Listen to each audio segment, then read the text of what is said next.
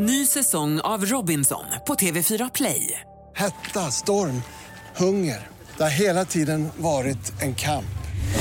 Nu är det blod och tårar. Fan händer just nu. Det. är Detta är inte okej. Robinson 2024, nu fucking kör vi! Streama söndag på TV4 Play. Podplay. Live från Studio 1, du lyssnar på The Daily Messiah, ditt nyhetsflöde med mig, Messiah Hallberg. Klara Doxerov. John Melander Lambrell.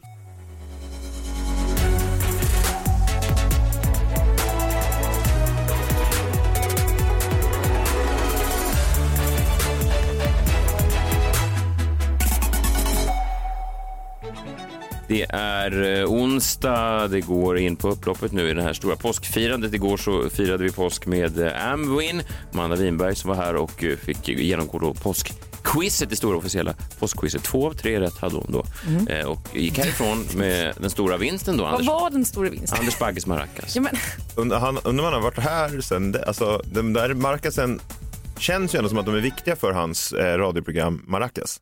Alltså, nu kommer vi ha en arg Anders Bagge efter oss för att vi har gett bort hans maracas. Nej, det tror jag verkligen inte. Han är full av kärlek. Du såg ju Mello, han, han grät av tårar och lycka och så vidare. Strunt samma! Jo, men har Eh. du någonsin sett honom bli av med en maracas? Hans självförtroende kanske sitter i hans Maracas. Det är som du och din jombola. Ja, men vad kul att du tog upp John. för Vi ska faktiskt prata om dig idag. Eh, kanske inte så mycket din jombola. Du har ju släppt en bok igen. Din andra kriminalroman som släpptes här i förra veckan. Tre som såg något. Ja, tre som såg. Det är bättre. Ännu Tre- bättre. Ännu tre bättre. som- ja. Det är en väldigt bra titel tycker jag. Ja, men visst är den bra? Tre Visst som såg. Vi pratade om det på resan just att eh, eh, två som såg är inte alls lika bra. Nej, nej. Det, det, det bygger lite på att de är eh, tre. Det finns, man kan ana en, eh, en eh, kanske inte en samstämmighet i gruppen. Alltså det finns en Nej. oro att de är så många. Mm. Och en som såg, ja en, vad är det för något? 25 som såg också, inte så exklusivt. Nej, och att de såg är bra. Ja, just det. Något som också hade kunnat vara intressant är tre som hörde. Alla sinnen, tre som kände. Ja, men först var jag lite orolig för att det skulle bli, att det skulle påminna för mycket om så här fem på äventyr eller något sånt där. Men jag tänkte, Fem på rymmen. Ja, fem på rymmen och de där. Men jag tänkte att de, så- de är så gamla att ingen har de associationerna längre. Väl, Vad- vad Nej, hette jag din, tänkte det. Vad hette din första bok? den som vet. Den som vet. Och det här är då tre, Tre som... som såg. Ja. Just det, så... och du hoppade över två helt, då fanns det en anledning till det? ja, men det är, ja, tre bättre som du säger. Mm. Tre som såg. Nästa bok kan bli spännande, Kvartetten som rymde. ja, men jag ska, nog, jag ska också säga att det finns en anledning till att de är tre. Det bygger på ett, ett riktigt mordfall eh, som, som sådana som jag är så förtjust i eh, som kallas för The West Memphis 3. Precis som, eh, som förra boken, det tyckte jag var väldigt spännande för det har inte jag hört så många författare som har gjort, eh, tagit just, eh, ba- baserat en, en fiktiv mordhistoria på ett riktigt fall.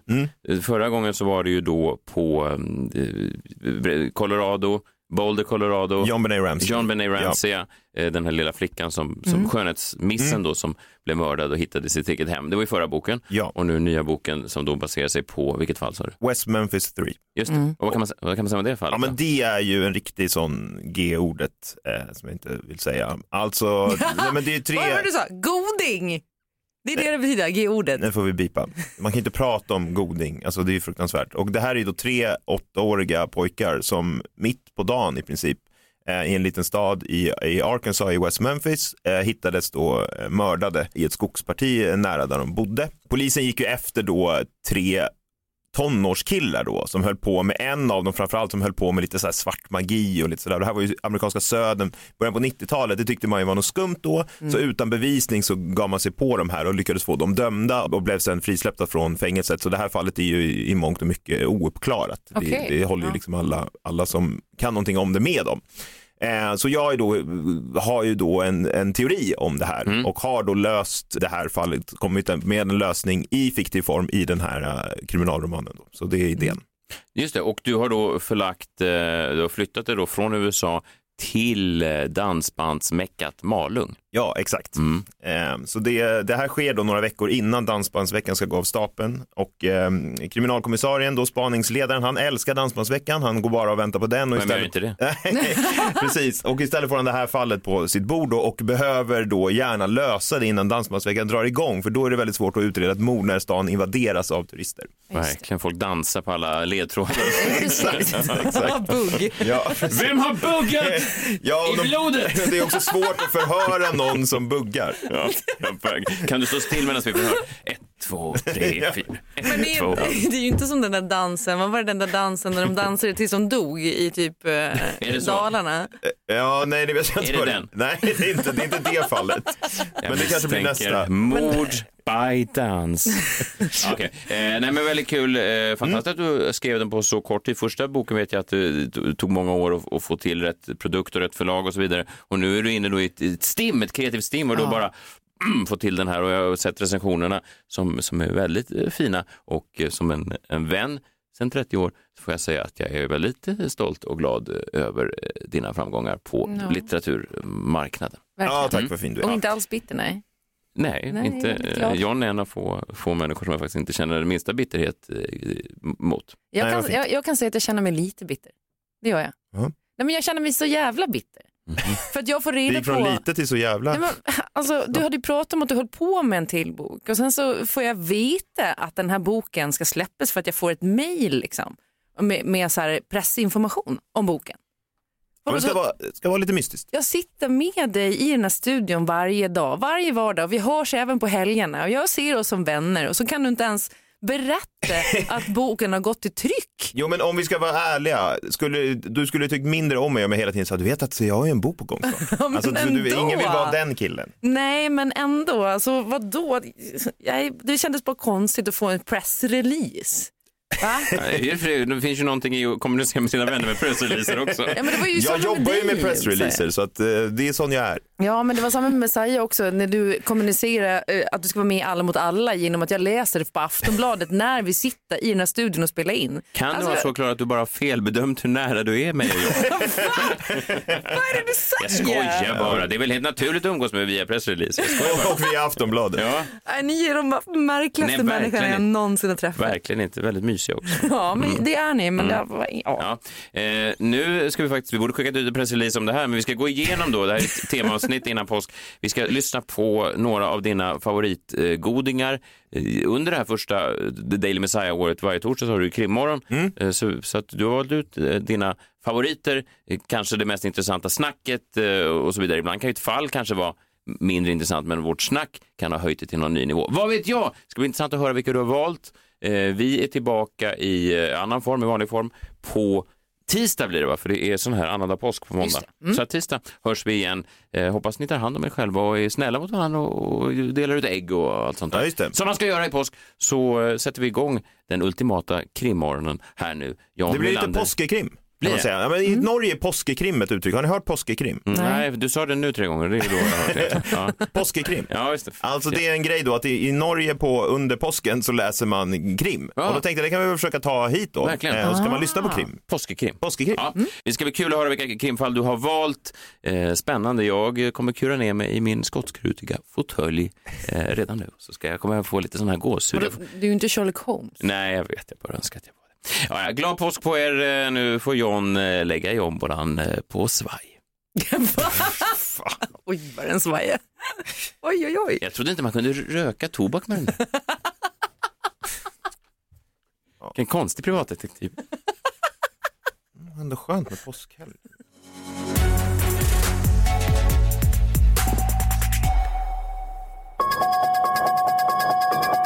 Krimmorgon.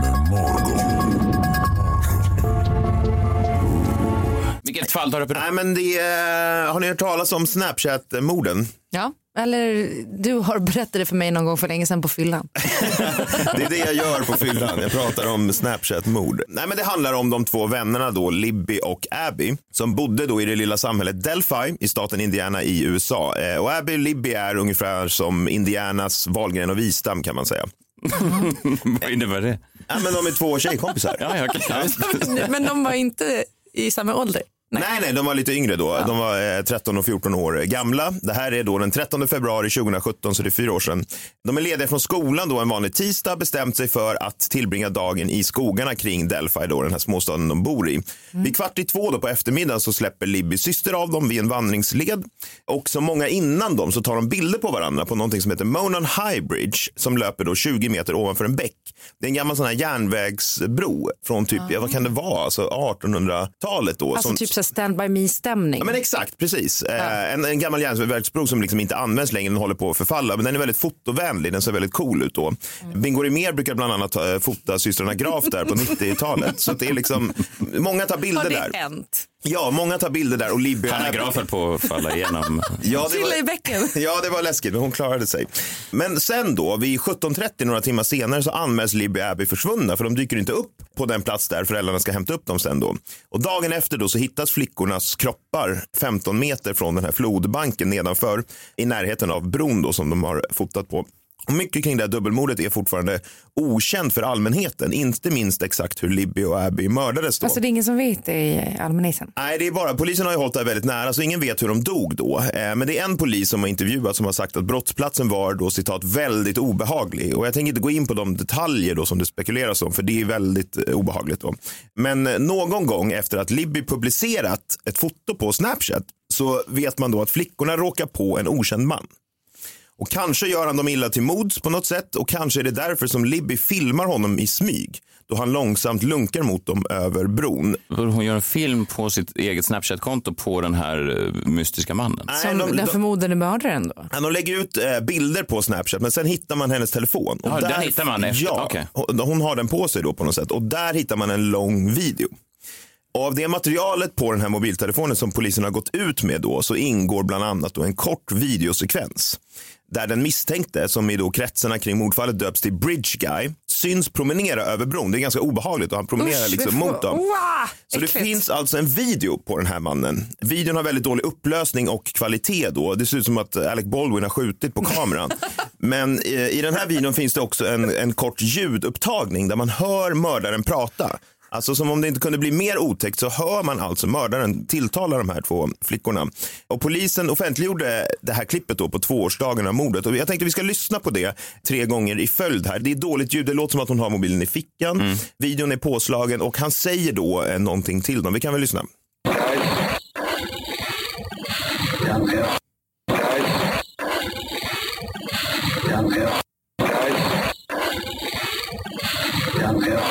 Han säger alltså då guys down the hill. Oj. Hör, ni det? En uppmaning. Usch, nu fick jag jätte... Ja exakt, det är någon typ av uppmaning. Om man ska översätta så är det väl typ hörni, ner för backen typ. Fan, obehagligt. Ja, väldigt obehagligt. Och eh, trots detta då, den här ljudupptagningen, trots att de har en kort filmsekvens på honom, så är morden på Libby Abby fortfarande ouppklarade. Hur är det möjligt? Liksom? För det här är en pytteliten stad, det bor typ 3000 personer där. Och Leif GW har ju också tittat på det här fallet och han hade något rätt intressant att säga om det. Så vi kan väl lyssna på det lite snabbt bara. För, ja, det, det, det, så, ja, det, nej, det, ja, Okej, så han trodde det? Ja, Ja, men eh, liksom så här, han är också förbluffad över det här ja det såklart. låter så. Hur det inte kan låter, vara- han låter, hur det inte kan vara löst. Nej, han låter Nej, väldigt... Ja, verkligen. Ja. Ja, men kanske då finns det en förklaring till att det är fortfarande olöst. För på senare tid så har en teori börjat florera då på spanarforum på nätet. Då, Där som du jag, hänger. Där jag hänger då.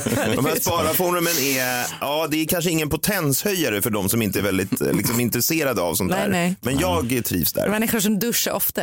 Ja, ungefär. Men på tvåårsdagen då, 2019 så höll spaningsledaren nämligen en presskonferens som i alla fall jag fick en del gåshud av. Vi kan lyssna lite här när han helt plötsligt i en sal full av journalister och då folk från byn vänder sig och talar direkt till mördaren då spaningsledaren. Vi lyssnar. directly to the killer who may be in this room. We believe you are hiding in plain sight. For more than two years, you never thought we would shift gears to a different investigative strategy, but we have. We likely have interviewed you. We know that this is about power to you, and you want to know what we know. And one day, you will.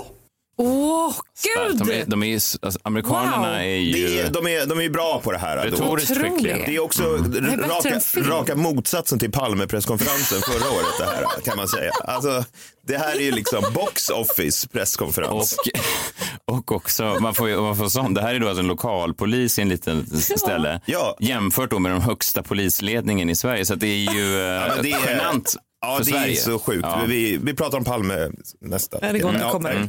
Inledningsvis släppte då eh, polisen en fantombild direkt efter mordet då, av en eh, skäggig man uppskattningsvis i 40-årsåldern. Och man vet inte riktigt var det här kom ifrån. Var har ni fått den här bilden ifrån? Då? Men sedan dess så har signalementet då reviderats och på den här presskonferensen direkt efter att han har sagt det här så släpper man en helt ny fantombild. Jaha. Och på den här ser då Bridge Guy betydligt yngre ut. Alltså han ser ut att vara 20-årsåldern, eh, kanske 2021. Och jag tänkte vi lägger ut båda bilderna på vår Insta då, at Daily Messiah. Eh, så kan man titta där och jämföra. Och det som man spekulerar i nu är om den här personen som den nya fantombilden föreställer och som spaningsledaren pratar direkt till är det vittne som låg bakom den första fantombilden. Är ni med? Jaha. Direkt efter mo- mordet går man ut med en fantombild. Säger så här ser han ut. Och han, lite så här den här bilden, ni får bedöma själva om ni kollar på den, att det ser lite ut som att man ska rita en ful gubbe ungefär. Alltså hur, Okej. kan en, hur ser en mördare ut? ut. Ja. men hur ser en snusgubbe ut? Den här skickades ju runt liksom hela USA och så här var på tv-program och så. Och det man tror nu är ju då att det, det vittne som sa så här såg han ut, jag träffade honom. Ja. Det är han som egentligen är mördaren då. Och det är han som den här nya fantombilden föreställer. Och det är därför spaningsledaren säger så här, du trodde aldrig att vi skulle byta investigative strategy. Så de vet mer, de måste bara få fler, mer bevis då. De borde veta vem man är då. Jag tror att polisen är övertygade om vem det här är. Jag är inte så helt säker på det, för de har gjort, alltså, man kan säga vad man vill om polisen, men jag menar, de har bild på honom, de har ljud på honom, de har video på honom, men de har liksom, och det är 3000 personer som bor i den här stan och de har inte hittat honom. Hur är det möjligt? Nej. Var befinner de sig nu då? Nej men ingenstans, Nej. alltså man vet ju inte. Nej, nej, Utan nej. Det har gått, snart har det gått fem år sedan det här skedde och eh, ja men det här är ju, det har ju seglat upp som ett av mina favoritfall då eh, kan man säga. Ja men jag kommer hålla ögonen på det och hålla er uppdaterade med Ja. eh, spaningsläget. Otroligt obehagligt fall. Det finns ju någonting i när man har så mycket, det är ofta det man, man eftersöker i typ Palme och så här, fan att det inte fanns någon digitala eh, media på den tiden, att det inte finns Ja. något rörligt eller något ljud på mordet. Här har man ju allt det där men ändå inget. Nej, så det behöver inte betyda Nej, någonting nej, egentligen. Nej, nej, nej. För det är också när man ser den här videon, vi lägger upp även den då, då tänker man så här, ja, men här ser man ju vem det är. Sen när man tittar lite närmare så ser man verkligen hur han ser ut. Nej, det, det Det är lite svårt faktiskt. Ja. Vet du, det här får mig lite att tänka på. Volkswagen. Nej. Man har de som- tekniken men det går Ja, ändå nej, inte att Ja, Släpp. Ja. Volkswagen.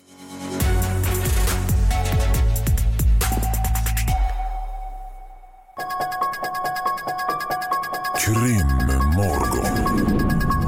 Okej, idag då så tittar vi närmare på Netflix-serien som hade premiär förra veckan, Den osannolika mördaren, där de då, ja de köper ju då teorin att Skandiamannen Stig Engström låg bakom mordet på Palme jag köper och köper. De proklamerar ju ut den här. Ja, de- alltså, Det är de- inte så att ja, vi, går, vi går med på det här, utan de är ju alltså, delaktiga i att pusha det här narrativet nu. Det finns, ju en, eh, det finns ju en liten disclaimer i början av varje avsnitt, eller om det är i slutet av varje avsnitt där det står att det här är en teori bland många. Små bokstäver. Ja, väldigt jag Man får till. gå fram till skärmen och se vad som står. Times New Roman 8 eller något där. ja.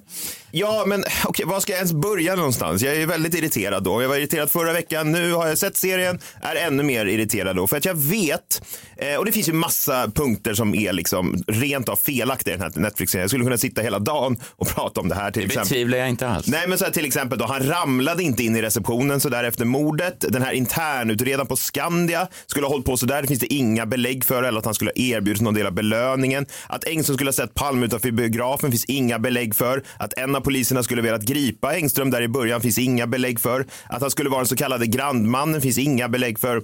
Och så vidare och så vidare. Att han hade ett vapen nu finns det inga bevis för och så vidare. Men det som slår mig när jag tittar på den här, det är ju hur jävla starkt det är med drama, alltså dramatik. Ja. Det lät ju lite platt nu när jag sa det, men har ni Ja, men tänkt du på tror- dramatik? Ja, du tror att, att det kan vara, finnas framtid för Drama. den här typen av dramatik? Inte bara en framtid, det finns även en historia. Det vill säga att när folk har liksom lurats att tro någonting så ligger ofta dramatik bakom det, tror jag. Ja, Och jag menar, det här är inte första gången. Har, ni, vad tycker, har ni sett eh, ja Netflix-serien? sett allt. Ja. Jag tror det var väldigt dramatisk musik. Ja, exakt. Dramatisk musik. Men det var ju eh, intressant det här då med att han gick ut bakvägen. Finns det någonting i det? Jo, Klara ställer nu live-frågor till dig som du ska svara på. Finns det någonting i det? Bakvägen på Skandia som sägs ha eh, larmat under eh, mordnatten och eh, sen stängdes då. Ja, Okej, ja, det finns ju inget som visar på att Engström skulle ha gjort det här. Vad vet jag vad den här dörren, om den larmades och inte och varför inte. Och, sen, och han kanske har gått ut där. Aha! Men vadå? Där fick vi dig. Ja, men så här, han, det finns ju, alltså, många gör ju så här att om du stämplar ut så dras du från din arbetstid, alltså om du stämplar ut officiellt Ja. och går ut och super i två timmar, då får du inte betalt för det. Men om du går ut bakvägen utan att checka ut, då får du ju de timmarna betalt. Så om han nu skulle gått ut bakvägen så finns det ju ändå en rimlig förklaring för det. Så du menar att han fick betalt samtidigt som han eh, sköt Palme? Aha! Vi går vidare. Eh, jag tänkte det här, med drama- det här med dramatik då. För jag ska gå igenom det här och liksom visa på varför det här inte är möjligt att Engström är eh, Palmes mördare. Och sen så kan vi släppa det kanske. Tror du att du kommer vara eh, klar till Johanna Nordström dyker upp imorgon? Förmodligen inte. va? Nej, men då kan väl hon joina in. Hon, hon, jag tycker hon verkar vettig och jag tror att hon... Hon älskar krim också. Ja, jag vet. Ja, men det fasiken, det vore lite kul faktiskt. Ja, jag tänkte så här, det här med dramatik då. Det här är inte första gången någon har velat dramatisera en teori om mordet på Olof Palme. Utan tvärtom, det här är bara ett i en lång rad av dramatiseringar. Och det är ju många som har skrivit till mig och sagt att efter man har sett serien så tror man mer på Engström då för att det är svårt att liksom komma runt allt det här man säger. Det är det Klara säger. Det är det Ja, jag säger. ja, exakt. Och jag tvingar ju också min tjej då att se den här. Och det första hon sa när det var över, vet du vad det var? Men kan det inte ha varit Engström ändå? Ja, det kan ju det. Hon sa det då. Och jag har messat henne nu och sagt att vi behöver prata eh, ikväll. Så, ja. eh, men jag tror att det är för att drama är så stark. Och det här är inte första gången. För 1995 så kom dokumentären Satans mördare på TV4 som menade på att Christer Pettersson, kommer ni ihåg honom? Ja. Som alla hävdade var mördaren till, och jag sa att det var han inte. Den handlade om att Christer Pettersson hade skjutit Palme när han egentligen då skulle skjuta knarkhandlaren Sigge Cedergren, den så kallade förväxlingsteorin. Att han tog fel då. Ja, väldigt lika hävdar ju folk. Ja, exakt. Och då lät det så här när de i slutet intervjuade en av Petterssons kompisar då i den här dokumentären 95.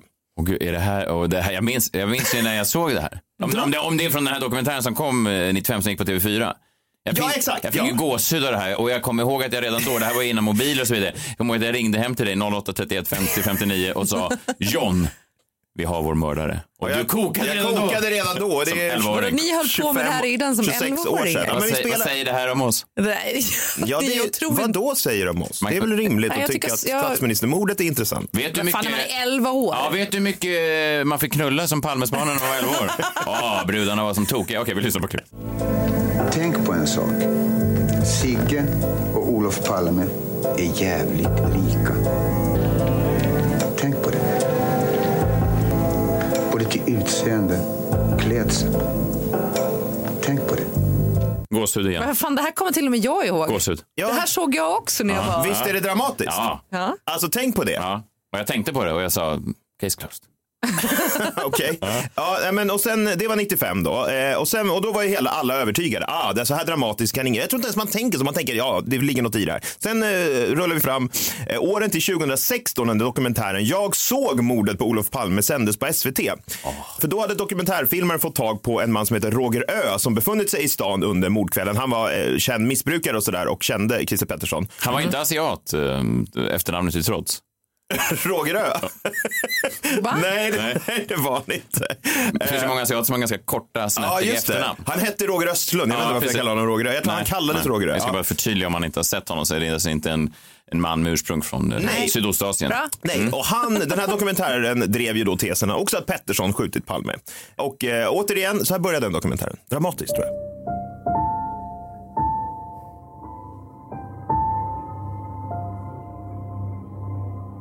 Där ligger en 57-årig man i sängen. Han är väldigt sjuk och jag tror att han snart kommer att dö. Så vitt jag vet är jag den enda som besöker honom på sjukhuset.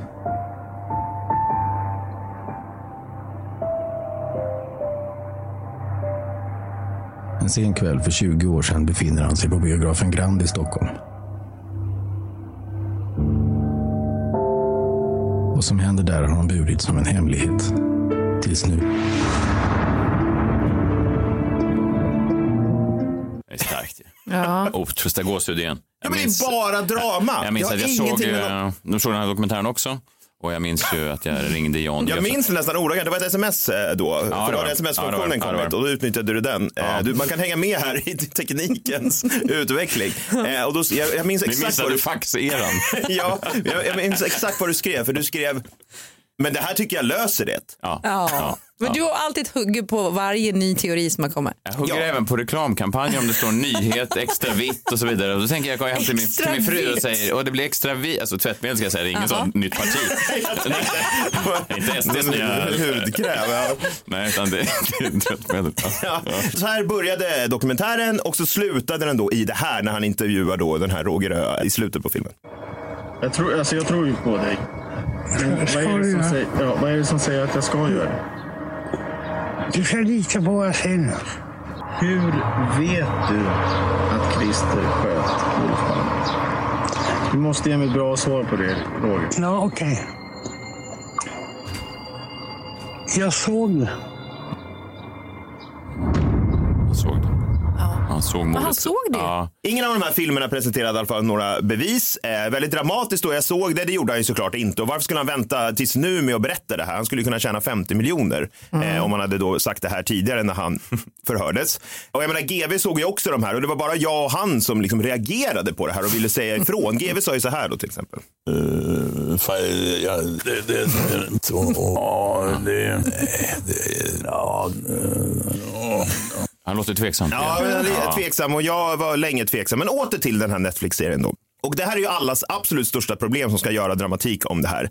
Och det är liksom något som Filter aldrig svarat på, något som den här journalisten Thomas Pettersson aldrig svarat på, något som chefåklagaren aldrig har svarat på. Det vill säga, hur skulle det här mordet ha gått till om Engström sköt Palme?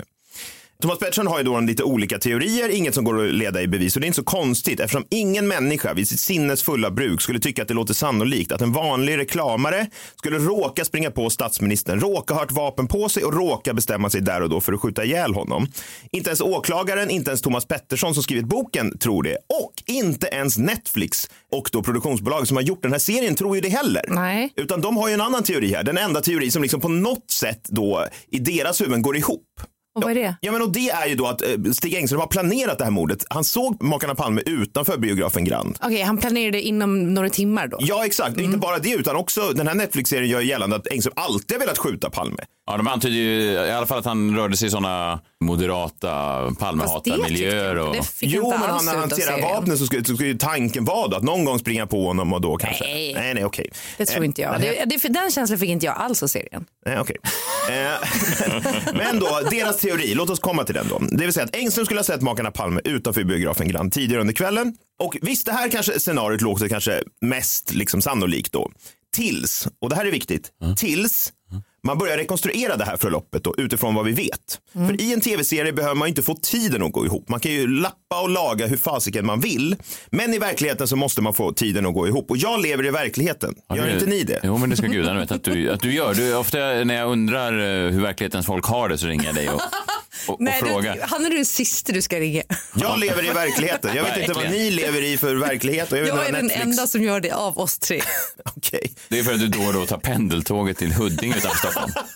Och då går du även runt och berättar för de andra på vagnen att du gör ett besök i verkligheten. Jag vet inte hur mycket... Någon sorts Det där har safari. bara hänt en gång. Okej. Får jag röra ditt hår? Frågar du en gubbe en gång. Men jag vet vad ni tänker nu. Alltså. Ska John hålla på och tjata om det här nu igen? Och istället för att jag gör det och tjatar vidare om det här så tänkte jag ge en uppmaning till våra lyssnare. För jag vet att de är smarta. Just det. Om man känner att Engström kanske trots allt är skyldig när man har sett den här serien. Om man vill veta om det som Netflix-serien faktiskt hävdar skulle kunna ha hänt i verkligheten. Gör då den här rekonstruktionen.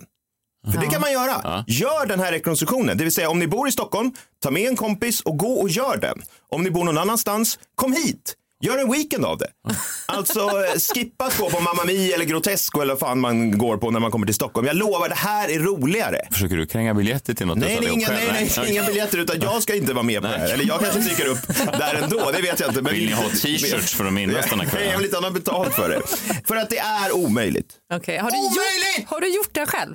Ja, men självklart. Herregud, jag Du gjorde har första det? gången jag var 11. För Stig Engst, det är omöjligt för Stig Engström att se Palme utanför biografen, som det händer i serien, och sen skjuta honom. Inte bara för att det skulle vara nästan lika osannolikt som teorin om att han springer på dem av en slump, utan för att det helt enkelt inte går ihop tidsmässigt.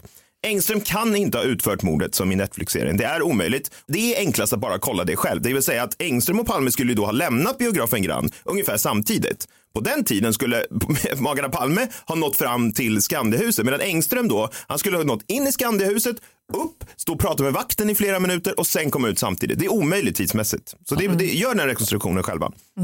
Trots det så är då journalisten Thomas Pettersson och Filters chefredaktör säkra på sin sak. Och eh, Messiah, du spelade upp klippet. Vi kan väl bara lyssna på det. Jag vill egentligen inte spela upp det här klippet flera gånger och uppmana folk att se den här serien. Men vi, jag vill bara säga några saker om det här. Vi kan väl lyssna på det igen bara. Vi ska inte bli språkrör nu för ännu en privatspanad teori. Ska vi gå i tryck, då är det för att vi har sanningen. Gå i tryck? Eh, vad menar du då? Har vi sanningen, då kör vi gasen i botten.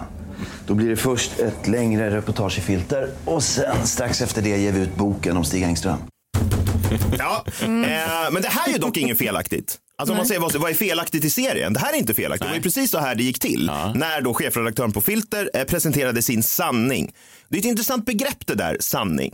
För nu vet vi ju alla samma sak som Filter-chefredaktören och Palmeåklagaren vet. All info finns ju ute.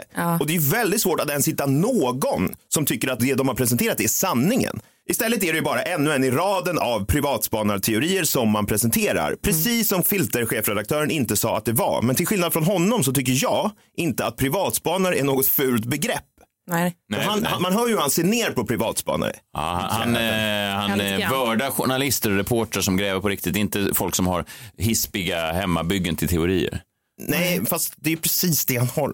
Ja. Och, nej, men, eh, så, jag har inget problem med, jag är privatspanare och utan att bli för högtravande nu så skulle jag vilja avsluta eh, veckans krimmorgon med, med att citera den franska 1800-talsförfattaren och nobelpristagaren André Gide. Apropå det här med sanning då, som filterchefredaktören menade att han hittat. Okej. Citatet lyder, tro på dem som söker sanningen, misstro dem som finner den. Tack.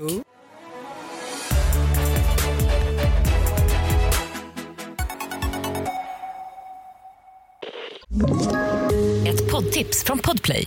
I podden Något Kaiko garanterar östgötarna Brutti och jag, Davva, dig en stor dos skratt. Där följer jag pladask för köttätandet igen. Man är lite som en jävla vampyr. Man har fått lite blodsmak och då måste man ha mer. Udda spaningar, fängslande anekdoter och en och annan arg rant.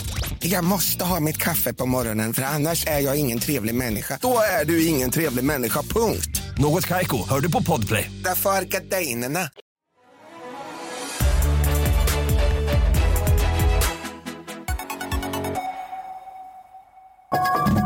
Krimmorgon.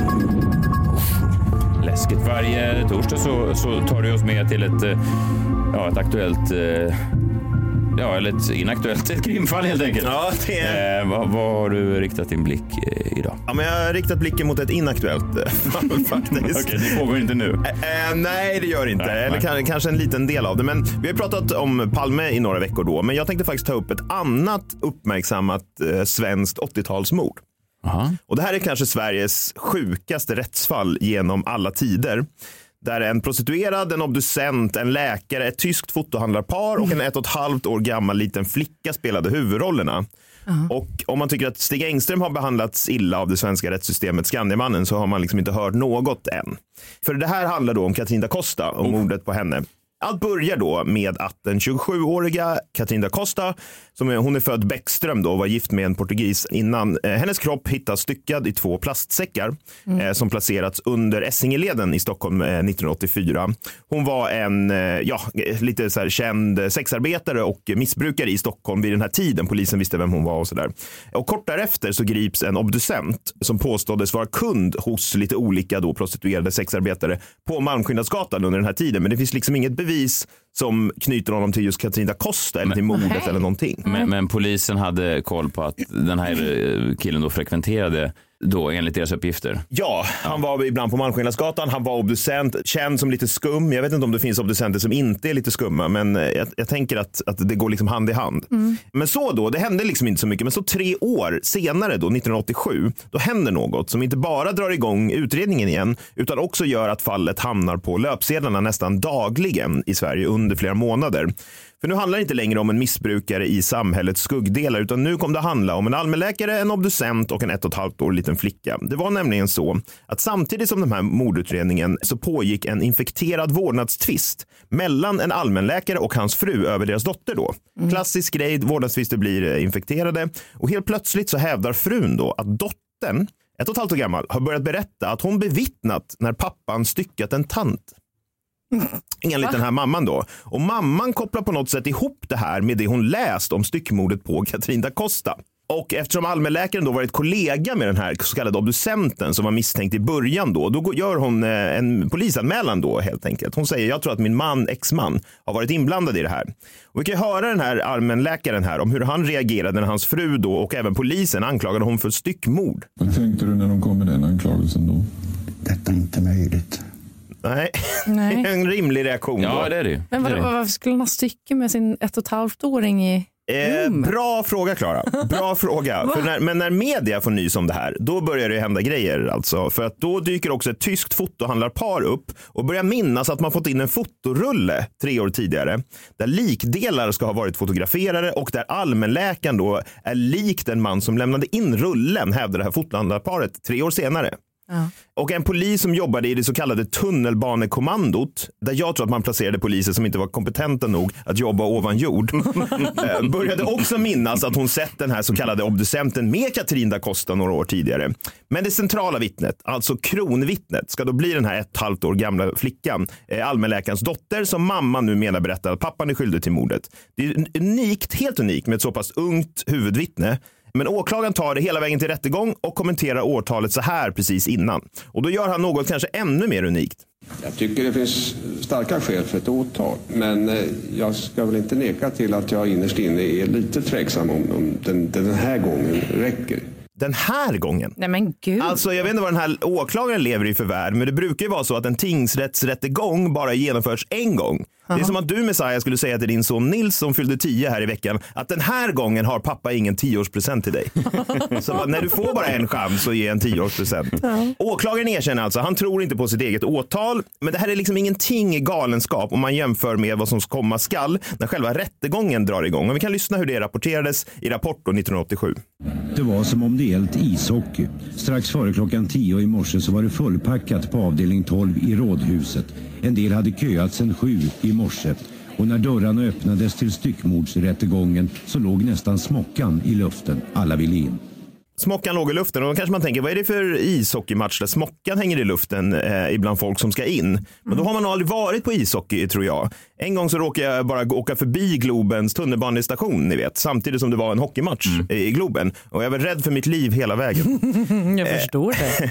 Men när rättegången startar då så vilar man mycket på med det som i media nu kommer att kallas dotterns berättelse. Och vad fan var det då? Och sen radades de, alla de makabra detaljerna i dotterns berättelse upp. Hur de borrade i tantens huvud och slängde det i en papperskorg. Dottern, som vid tiden för mordet var ett och ett halvt år gammal, ska bland annat ha talat om att de tog bort tantens bröst, om att äta ögon och att tanten blev mos. Mamman tror att dottern bevittnat styckningen och att hon nu, nästan tre år gammal, bearbetar upplevelsen. Men vad fan. Mm. Det här bygger alltså på vad mamman har sagt att dottern har sagt.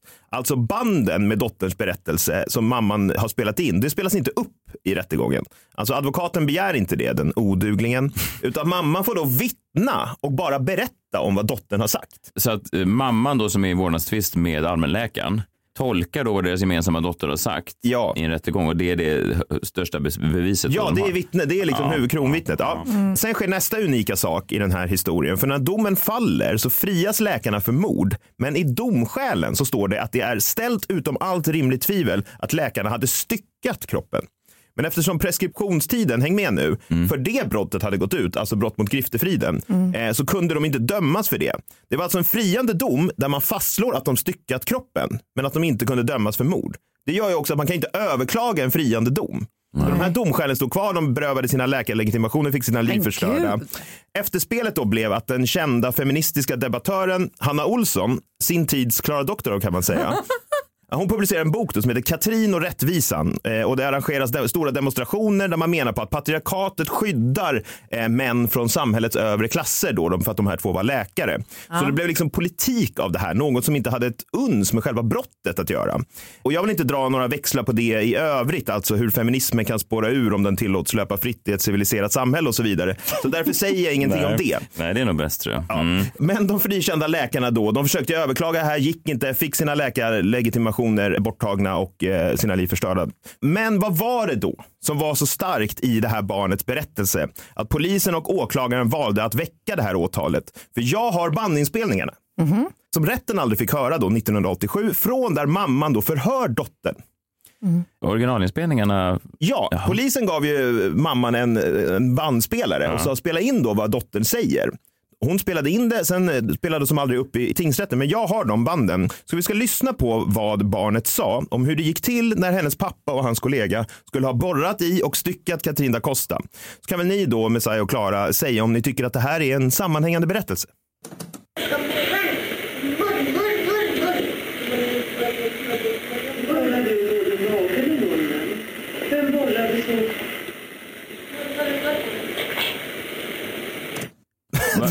Det var, det var alltså det här det bara burr, burr, burr. Ja, det var alltså det här det kokade ner till. Alltså en ett och ett halvt år liten flicka som sa burr, burr, burr! och en mamma som använde henne som ett jävla vapen i en vårdnadstvist. De båda läkarna då har ju överklagat det här i flera instanser under alla dessa år sedan 1987 på flera olika sätt. Så sent som 2019 då, bara två år sedan, så fick de avslag på sin överklagan av nuvarande inrikesminister Mikael Damberg när de ansökte om prövning. Och jag skulle väldigt gärna någon gång vilja fråga honom varför. Men eh, han avslog som sagt och eh, blev bara det senaste i en lång rad rättsövergrepp mot två oskyldiga personer och mot Katrin da Costa som aldrig fick sin rättvisa. Nej. Men jag tycker du är bara lite Vill du säga vad du, vad tror du då? Tror du att de... Tror du att de gjorde det? Burr, burr, burr, burr, burr! Burr, burr, burr, Oj, oj, oj, jag tror att vi får tacka för oss. Burr, Vi... burr, burr, Oj, oj, oj, oj, ja, det, en annan tappat det.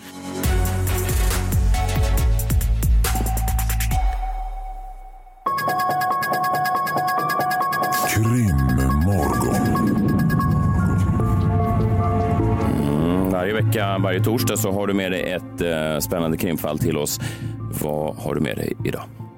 Ja, men jag har ett av de mest fascinerande fall någonsin skulle jag vilja hävda. För det är nu nästan exakt på dagen 20 år sedan det här tog sin början. Och inget annat fall är jag så kluven till. Alltså ena dagen tänker jag, jag tror inte han gjorde det här och andra dagen tänker jag såklart att han gjorde det. Jag ska prata om det så kallade trappfallet. Det är en dubbeltydning då. Eh, Det kallas ju för the staircase, alltså staircase och staircase. Smart. Ja, smart. Och det börjar ju då med att eh, i december då 2001 så hittas Kathleen Peterson död på botten av hennes trappa. Hon är gift med Michael Peterson som hon bor med och Michael var en någorlunda framgångsrik författare på den här tiden. Inte Jockiboi framgångsrik, men han hade släppt några böcker. Och Michael Peterson, allt börjar med att han ringer 911 då och rapporterar att hans fru Kathleen Peterson har ramlat ner för trappan. Och de bor i ett fint stort hus i North Carolina. Jag tänkte vi kan väl lyssna på det larmsamtalet. Larmsamtalet. 1810 Cedar Street, please. What's wrong? My wife had an accident. She's still breathing. What kind of accident? She fell down the stairs. She's still breathing. Please come. Is she conscious? What? Is she conscious? No, she's not conscious. Okay, how many stairs did you fall down? Huh? How many stairs? Stairs. How many stairs? Calm down. No, uh, 15, 20, I don't know. Please, get somebody here right away. Please. Okay, somebody's dispatching the ambulance No. while I ask you questions. It's, it's, it's off of, uh, it's in Forest Hills, okay? Please, please. Ja, han, eh, han eh, låter ju väldigt upprörd. Polisen kommer dit och de börjar direkt tycka att här är det någonting suspekt. Mest för att det är otroligt mycket blod runt kroppen på eh, Katlins kropp då. Hon är död när hon kommer fram eh, och det är blod och man kan hitta bilder på det här. Det är blod i princip i hela trappen. Det ser helt enkelt inte ut som att hon har ramlat ner utan snarare blivit mördad då. Och eh, blodet på väggarna är också redan torkat, vilket det kanske inte borde vara om det här precis hände. De häktar Michael Peterson direkt. Han hävdar att han har suttit kvar ute vid poolen och druckit vin. Parnevik-style. Eh, och att hans fru gick in långt innan honom då och eh, råkade ut för det här medan han satt kvar. Michael Peterson tar in en dyr försvarsadvokat från New York, en egen brottsplatstekniker som menar på att det är möjligt att Kathleen kan ha dött av att ha trillat ner för trappan. Så ord står lite grann mot ord när utredningen eh, ska övergå till rättegång. Men då händer någonting precis när rättegången ska starta. För det framkommer att när Michael Peterson bodde i Tyskland 15 år innan i distriktet Rhein-Main, där Edvard Bloms favoritvindruvor odlas, eh, så hade han en vän, Liz Ratliff, som också hittats död i en trappa. Och Michael var den sista som sett henne vid liv. Två döda kvinnor. I, I båda fallen har de då trillat ner för en trappa och i båda fallen så är han då den sista som har sett dem. Svar ja. Ja, Men det är ju otroligt osannolikt att det skulle hända någon. Fy fan vilken otur man har om det är så. Ja, man, skulle, man skulle ju aldrig våga gå ner för en trappa med Nej, honom nej. igen. Jag vill aldrig vara i närheten av en trappa. Klara, ska vi gå ner och hämta bordsättet i källaren? Eh, Tillsammans? Nej, jag tror inte nej, det. jag- Du och jag bara. Nej, men henne, den här första kvinnan, hennes död hade fastslagits var en olycka, att hon hade fått en stroke eh, då. Men det här fallet får ju liksom nytt liv nu 15 år senare och åklagaren bestämmer sig för att gräva upp hennes kropp på kyrkogården eh, för att göra en ny obduktion. Precis som man gjorde med Carolas katt, som när Runar erkände att han hade skjutit den. Man gjorde det så. Och det visar sig att den här kvinnan har i princip samma skador som Kathleen och man kommer använda det här emot Michael i rättegången. Men vad är åklagarens teori om motivet då? Jo, att Kathleen hade upptäckt att Michael Peterson var bisexuell, vilket han var, och att han haft affärer med män, vilket han hade. Men Michael hävdar att hon visste om det här och att de hade ett öppet förhållande. Så som Soldoktorn och Lotta Engberg kommer ha inom några månader om min förutsägelse slår in. Men domstolen går på åklagarens linje och dömer Michael Peterson. Och det som händer efteråt är att det bland annat framkommer en ny teori medan han sitter i fängelse. Nämligen att det var en uggla som dödade Kathleen Peterson. Alltså inte Magnus Uggla, utan en riktig uggla. Du, Uggla har nästan dödat mig en gång, alltså Magnus Uggla. Han cyklade på mig i, i Österport en gång. Ja, Magnus Uggla. Magnus Uggla, ja. Det är något med ugglor då. Jag vet. Just det, så det var inte en cyklande uggla. Det var artisten Magnus Uggla. Artisten Ja. Magnus Ja, Uggla. i det här fallet så var det inte artisten Magnus Uggla så vitt jag vet. Utan var en riktig rörig uggla. uggla, Ja. ja. verkligen. Vi får försöka hålla i- isär Okej, de där Det här är fågeln Uggla. Eh, Fågeln Eller rovdjuret Uggla. Ja, exakt. För i obduktionsrapporten så hade rättsläkaren nämligen skrivit att man funnit några ugglefjädrar i Kathleens hår. Det är också märkligt. Och en uggleexpert. Vad fan är det? Kalla in uggelexperten. Äntligen, jag har suttit där i 40 år. Inget jävel. Ja, exakt. Men han fick äntligen sina 15 minutes of fame här. För han tyckte också att skadorna på Kathleens huvud tydde på uggleklor. Ja. Och det här låter ju väldigt märkligt kan man ju tycka. Och så här reagerade Leif GW när han fick höra teorin. Uh, ja, det, det, det, så, ja, det, nej, det, ja, uh, Han lät, lät tveksam eller? Ja, men lite tveksam och det Ja. blir man ju. Men uggleattacker på människor sker faktiskt ibland. Precis som du sa Klara, Eh, en uggla gav sig på dig. Eh, det behöver inte betyda att man har gjort någonting. Utan Det var ju en Magnus Uggla. Ja, det var en Magnus uggla. Ja, inte För det gäller att hålla isär de där två. Ja, det är lätt att röra ihop. Ja, Eh, och ugglor fanns i de här trakterna i North Carolina och det hade skett sådana här attacker med många med dödlig utgång då. Alltså inte Magnus Uggla-attacker då, utan djuret Uggla. Så det är tydliga. Eh, eh, Michael Petersons försvarare lyckas till slut få resning i fallet på grund då av att blodexperten som åklagaren använt i den första rättegången visade sig vara en total odugling. Eh, han hade medvetet då vittnat fel i flera andra rättegångar och hans experiment och expertis ifrågasattes, vilket gjorde att alla expertvittnesmål eh, han gjort slängdes ut och då gick Michael Peterson fri efter att ha suttit i fängelse i tio år. Idag är han 78 år och lever i Nashville. Eh, Hans barn tror fortfarande att han är oskyldig. Men då är ju frågan, vad hände egentligen när Kathleen Peterson dog i december 2001? Sanningen är, jag vet inte. Nej. Eh, Jag gick och såg eh, när Michael Petersons advokat kom till Stockholm häromåret och pratade om fallet på Södra Teatern i Stockholm. Och jag ska inte ljuga, vi som var där var inte de coolaste personerna i högstadiet. eh, men det var väldigt intressant att höra. Eh, och han sa ju det, att så här, om någon hade sagt till mig för 20 år sedan att jag hade turnerat världen runt och berättat om det här fallet så skulle jag nog trott att de var galna. Men det gör han. Men, men det var du och ett gäng eh, svenska uggelexperter då? Nej, men vi var bara intresserade av det här fallet. Och jag måste ju säga, det var liksom fullsatt. Ja, ja. Och jag tänkte, det här är Hur ju... många finns det? Ja, men det, är, det är otroligt. Det var nästan bara kvinnor också, vilket jag tyckte var intressant. Strunt samma. Men då, hur ska man reda ut det här? Jo, jag tänkte ta upp de tre starkaste indikationerna på att han var skyldig kontra oskyldig. Och så kan väl ni, eh, Messiah och Klara, säga vad ni tror. Vi börjar med varför han skulle vara skyldig då. 1. Det fanns ett skoavtryck på Kathleens kropp som matchade Michaels, något som inte går ihop med hans egen story. Och framför allt då kanske, när polisen kom fram så hade Kathleen alltså blött ut. Något som rättsläkaren sagt måste ha tagit en och en halv, kanske två timmar. Och om hon ramlade eller blev attackerad av en uggla, rovdjuret då, är det verkligen möjligt att Michael inte skulle ha upptäckt det tidigare? För han säger ju då att han satt ute vid poolen, återigen Parnevik-style, mellan midnatt och 02.00 i 12-gradig temperatur i december i North Carolina. Paret hade över en miljon i kreditkortsskulder och Kathleen hade en livförsäkring på 10 miljoner. Och när ambulanspersonalen först kom fram till Kathleen sa de att Michael gick upp en våning och kollade sin e-post. Va? Ja, det var det första han gjorde då. Och jag menar, han kanske väntade på ett viktigt mejl. Jo, det kan man göra. Men vad... mitt i natten? Mitt i natten. Ja, det kanske tyder på att han var skyldig. Ja, det låter ju väldigt konstigt. Ja. Oskyldig då? Ja. Alltså, Michael Peterson har ju varit med i den här kända dokumentären som heter The Staircase då, som man kan kolla på, som är många timmar, nästan lika många timmar som Beatles-dokumentären faktiskt. Eh, det är någon slags slow tv det också. Han har intervjuats nästan hundratals gånger, alltså det är bara YouTube honom. Han är med på tv ganska ofta. Och jag vill hävda att han ger ju ett väldigt trovärdigt intryck. Skulle han verkligen kunna vara med i så här många intervjuer där liksom intervjuerna måste ju bara vilja försöka sätta dit honom, få honom att säga fel och få så här många svåra frågor och lyckas med att aldrig försäga sig. Är det ens liksom möjligt? Ja, men det är väl klart. Du kan intala dig själv det där. Kanske. Eh, två då. Brottet ser ju inte direkt planerat ut och det finns ju inget tydligt motiv. Alltså om det skulle vara då att de hade skulder och hon hade den här livförsäkringen, då finns det väl ändå bättre sätt att mörda någon mer planerat än att Men bara han, slå ihjäl hade inte någon. han någon affär också? Nej, han hade ju affär med män då. Ja. Ja, men han menar ju på att det var inget konstigt. Nej, i och för sig. Att vara bisexuell är inget brott Jag tror inte längre. heller. Nej, jag tror inte- exakt. Nej, men det är inte det jag menar. Det var det Men jag- dock lite grann i North Carolina i början på 2000-talet och det var det många hävdade var därför då åklagaren gick efter Michael Peterson. Då, för att Okej. De menar ju på att ingen... Det var en häxjakt. Ja, men alltså så här, ingen kvinna skulle ju vara okej med att ens man eh, låg med män. Jag samtidigt. skulle vara det. Ja. Eh, Tre då, det finns heller ingen som vittnat om att Michael Peterson någonsin varit våldsam eller haft problem med ilska. Något man nästan alltid hittar hos män som mördat sina fruar. Men det har man inte hittat här. Eh, vad tror ni då?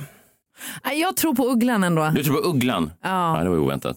Och inte Magnus Nej, utan Uggla. Nej. Inte Magnus Nej, Uggla. jag tror han är skyldig och jag tror att han gjorde det med, i, eh, med, med kallt blod. Mm. Okej. Ja. Ja, Eh, jag vet fortfarande inte. Jag är 50-50. Kontentan är att det finns ingen vinnare här. Alltså om Michael mördade Kathleen så fick han inte sitta av det livstidsstraff som han fick. Eh, är han oskyldig så har han fått sitta tio år för ett brott som han inte begått medan Ugglan fortfarande är på fri fot. eh, och jag tror aldrig vi får svar på frågan om vad som hände men jag rekommenderar verkligen att se dokumentären Staircase, läsa på om fallet och bilda sin egen uppfattning.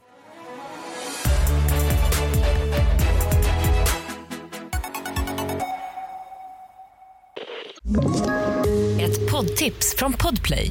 I fallen jag aldrig glömmer djupdyker Hasse Aro i arbetet bakom några av Sveriges mest uppseendeväckande brottsutredningar.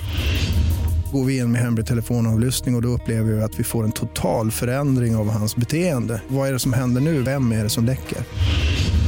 Och så säger han att jag är kriminell, jag har varit kriminell i hela mitt liv men att mörda ett barn, där går min gräns.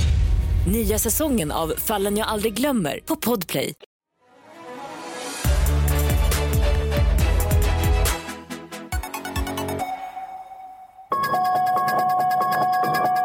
Krimmorgon. Vad är det för spännande fall du tänkte ta upp idag då? Ja, men nu kan jag inte hålla mig längre. Nej, vad bra. det har ju gått några veckor av krimmorgon och eh, har väl dragit ut lite på det. Men nu, nu är det dags. Eh, det lackar mot jul och då är det ett fall som dominerar eh, i mitt huvud. Eh, det dominerar egentligen mitt huvud året runt. Det är fallens fall. Mordet med stort M. Jaha. Det obehagligaste, läskigaste, mest mystiska mordet någonsin. Är det? Det handlar om mordet på sexåriga John Benet Ramsey i Boulder, Colorado på juldagen 1996, alltså nästan exakt 25 år sedan. Nej, det är fan med vidrigt alltså. Det här är väl lite ditt, eh, nu låter ju det nästan perverst, jag menar inte alls så, men det, det är väl det fall som eh, mest har intresserat dig i- genom åren nästan. Ja, det är det. Det och- det och Palmemordet Det och. Palmemordet har upptagit alldeles för många timmar eh, av mitt liv eh, utan egentligen något större spaningsresultat får man väl säga. Nej, båda fallen är olösta, eller? Ja, fortfarande. Ja. Trots att jag har ägnat så mycket tid åt dem. Trots alla dina nattliga timmar på YouTube. Ja, exakt. Eh, men att be mig sammanfatta det här fallet på några minuter är liksom, det är som att be Bianca Ingrosso sluta tjäna pengar eller Klara Doktor av att inte ta in fler levande varelser till sitt hus. Det är ett omöjligt uppdrag. Ja. Eh, men jag ska göra ett tjänligt försök. Eh, för det börjar som det så ofta gör med ett larmsamtal. Eh, klockan är strax innan sex på annandag julsmorgonen när larmcentralen får ett samtal av John Benet Ramseys mamma Patsy Ramsey. 911 emergency. Police. What's going on? 5515th Street. What's going on there, ma'am? We got kidnapping. Hurry, please. Explain to me what's going on, okay? There, we have a, there's a note left and our daughter's gone. A note was left and your daughter is gone? How old is your daughter? Six years old. She's gone. Six years old. How long ago was this? I don't know. I just found the note. And my daughter's Does it say who took her? What? Does it say who took her? I don't know. It's, there's, a, there's a ransom note here. It's a ransom note? It says SBTC. Victory. Please. Okay, what's your name? Are you Kathy Ramsey? I'm the mother.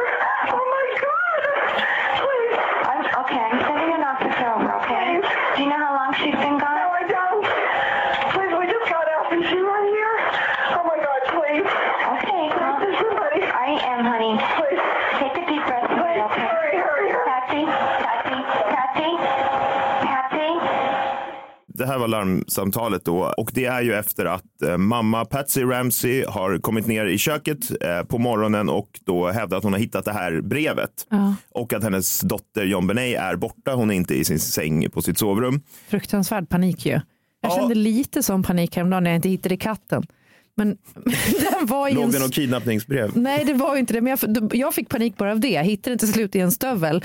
Men, men jag förstår mamman här. Alltså, det är det värsta man kan vara med om. Ja. Det är ju, ja, men precis som fallet med Madeleine så är det ju den där mardrömmen som man, jag tror att alla föräldrar tänkt någon gång man tänker så här, gud, tänk vad sjukt det skulle vara. Man går och känner på dörren så här, ja. det är Ja. bäst att den låser, ingen kommer in och tar mina barn. Men man tänker ju inte någonstans att det ändå kan hända. Nej, nej. Men när det, sen när det verkligen händer förstår man ju panik. Ja, och man Ja. kan ju säga att både paniken och mardrömmen ska bli ännu värre. För polisen kommer dit direkt då såklart. Eh, familjen Ramsey är mycket förmögen. Pappans företag John Ramsey är värderat till eh, en miljard. Oj. Och eh, alla i staden vet vilka de är. Det här var ju en, en liten stad, Boulder. Eh, Ja, fan, jag har varit i Boulder två gånger. Okej, Ehm, vad tyckte du? Jag älskar Boulder. Det är liksom ett perfekt ställe där fri, eh, friluftsliv möter hippieliv. Så de är liksom väldigt demokratiska i Boulder Mm. och de är f- antingen jättesportiga eller jättepåryckta. Härligt. Ja, men de här var nog inte pårökta i alla fall, utan de, eller hippies, utan det här den här familjen, han hade dataföretag och de var jätteförmögna. I alla fall, på plats så får polisen se det här kidnappningsbrevet som någon har lämnat. Och än idag så liknar det ingenting som någon polis, eller någon annan för den delen, har sett. Nej. Det är nämligen nästan tre sidor långt och skrivet på ett block som ligger i köket, eh, som tillhör familjen då. Eh, och att skriva det här brevet tar cirka sju minuter. Men det är ju en galning verkligen. Ja, men den här personen som har skrivit det har tagit god tid på sig att skriva. Eh, jag kan inte läsa hela det här brevet för att det är alldeles för långt. Man kan ju googla det. Men jag läser eh, några utdrag ur det så man bara får en känsla för vad det här är. Då står det så här. Mr Ramsey, listen carefully. We are a group of individuals that represent a small foreign faction. We respect your business but not the country that it serves. At this time we have your daughter in our possession. She is safe and unharmed, and if you want her to see 1997, you must follow our instructions to the letter. You will withdraw $118,000 from your account. When you get home, you will put the money in a brown paper bag. I will call you between 8 and 10 a.m. tomorrow to instruct you on delivery. Any deviation of my instructions will result in the immediate execution of your daughter. The two gentlemen watching over your daughter do not particularly like you, so I advise you not to provoke them. Speaking to anyone about your situation will result in your daughter being beheaded. If we Oj, catch you talking to a stray dog, she dies. If you alert bank authorities, she dies. If the money is in any way marked or tampered with, she dies. You stand a 99% chance of killing your daughter if you try to outsmart us. Follow our instructions and you stand a 100% chance of getting her back. Don't try to grow a brain, John. You are not the only fat cat around, so don't think that killing will be difficult. Don't underestimate us, John. Use that good southern common sense of yours. It is up to you now, John. Victory, SBTC. SBTC, vad är det signerat? Och så? Ja, det är signerat. Det sista som står är alltså Victory, utropstecken och SBTC. Och det här har man ju liksom spekulerat kring. Vad fan betyder det då? Vadå Ah. SBTC? Alltså bara fyra bokstäver då? Ja. Som, en- som, en, som, en, som en, ett sigill, en sista signatur? Ja, exakt. Ja, ja. Eh, väldigt märkligt. Eh, det var brevet alltså. Och det är ju så mycket i det här eh, som är konstigt då. Framförallt kanske summan, 118 000 dollar. Det är en Ja. ganska märklig summa att be om. Väldigt specifik. Väldigt specifik och nästan ännu mer så jävla låg. Alltså den här pappan är alltså värd en miljard. Just det. Och han ber om 118, det är ju knappt en miljon kronor Nej. liksom. Eh, men det som framkommer då, det var ju att 118 000 dollar var pappans exakta julbonus det här året. Det låg en, Där är ju någonting. det låg en check hemma på hans skrivbord bland annat med den summan då som han fått från sitt företag. Och vissa har också påpekat att det var 118 000 dollar var också den exakta omväxlingskursen för en miljon pesos vid den tidpunkten, alltså mexikanska pengar. Så det spekuleras lite om, om det hade någonting att göra. Och- Mexikospåret. Ja, precis. Det är ju framförallt melloartisten Alvaro Estrellas teori, eh, så jag, vet inte riktigt. Eh, men under den här morgonen då så väntar alla på att någon ska höra av sig, som det står i brevet, men ingen ringer. Familjens vänner kommer dit, en präst är där, massa poliser springer fram och tillbaka. Det finns liksom inga uppenbara tecken på att någon har brutit sig in eller så. Och det är inte förrän klockan 12, sex timmar efter larmsamtalet, som en polis på plats, Linda Arndt, ber John Ramsey, pappan, och hans vän att söka igenom huset en gång till. Ni hör ju vad det är för nivå på poliserna här. Alltså, de söker inte igenom huset själva eller spärrar av, utan de är pappan göra det. De hade alltså aldrig utrett ett mord, aldrig en kidnappning. Det skedde nästan inga brott i Boulder vid den här tiden. Det är som om årets Bachelorette-killar skulle utreda var omikron-mutationen härstammar ifrån. Jag tror att det skulle gå fel. Ja, man ska inte lita på dem. eh, Nej, nej, men det nej, är- inte Eller? Nej. Eh, Men när pappan söker ju igenom huset en gång till så bestämmer han sig för att titta i ett litet pannrum längst ner i källaren där han inte har tittat första gången. Och där ligger John Benet. Hon har ett snöre hårt åtsatt kring halsen, te- tejp för munnen hon ligger ovanpå en filt. Eh, Lille vännen. Pappan bär upp henne till vardagsrummet och lägger ner henne på golvet och polisen konstaterar snabbt att hon är död. Eh, Rättsläkaren slår sen fast dödsorsaken till strypning och kraniocerebral trauma, eh, det vill säga hon har blivit slagen i huvudet med något trubbigt och eh, strypt då.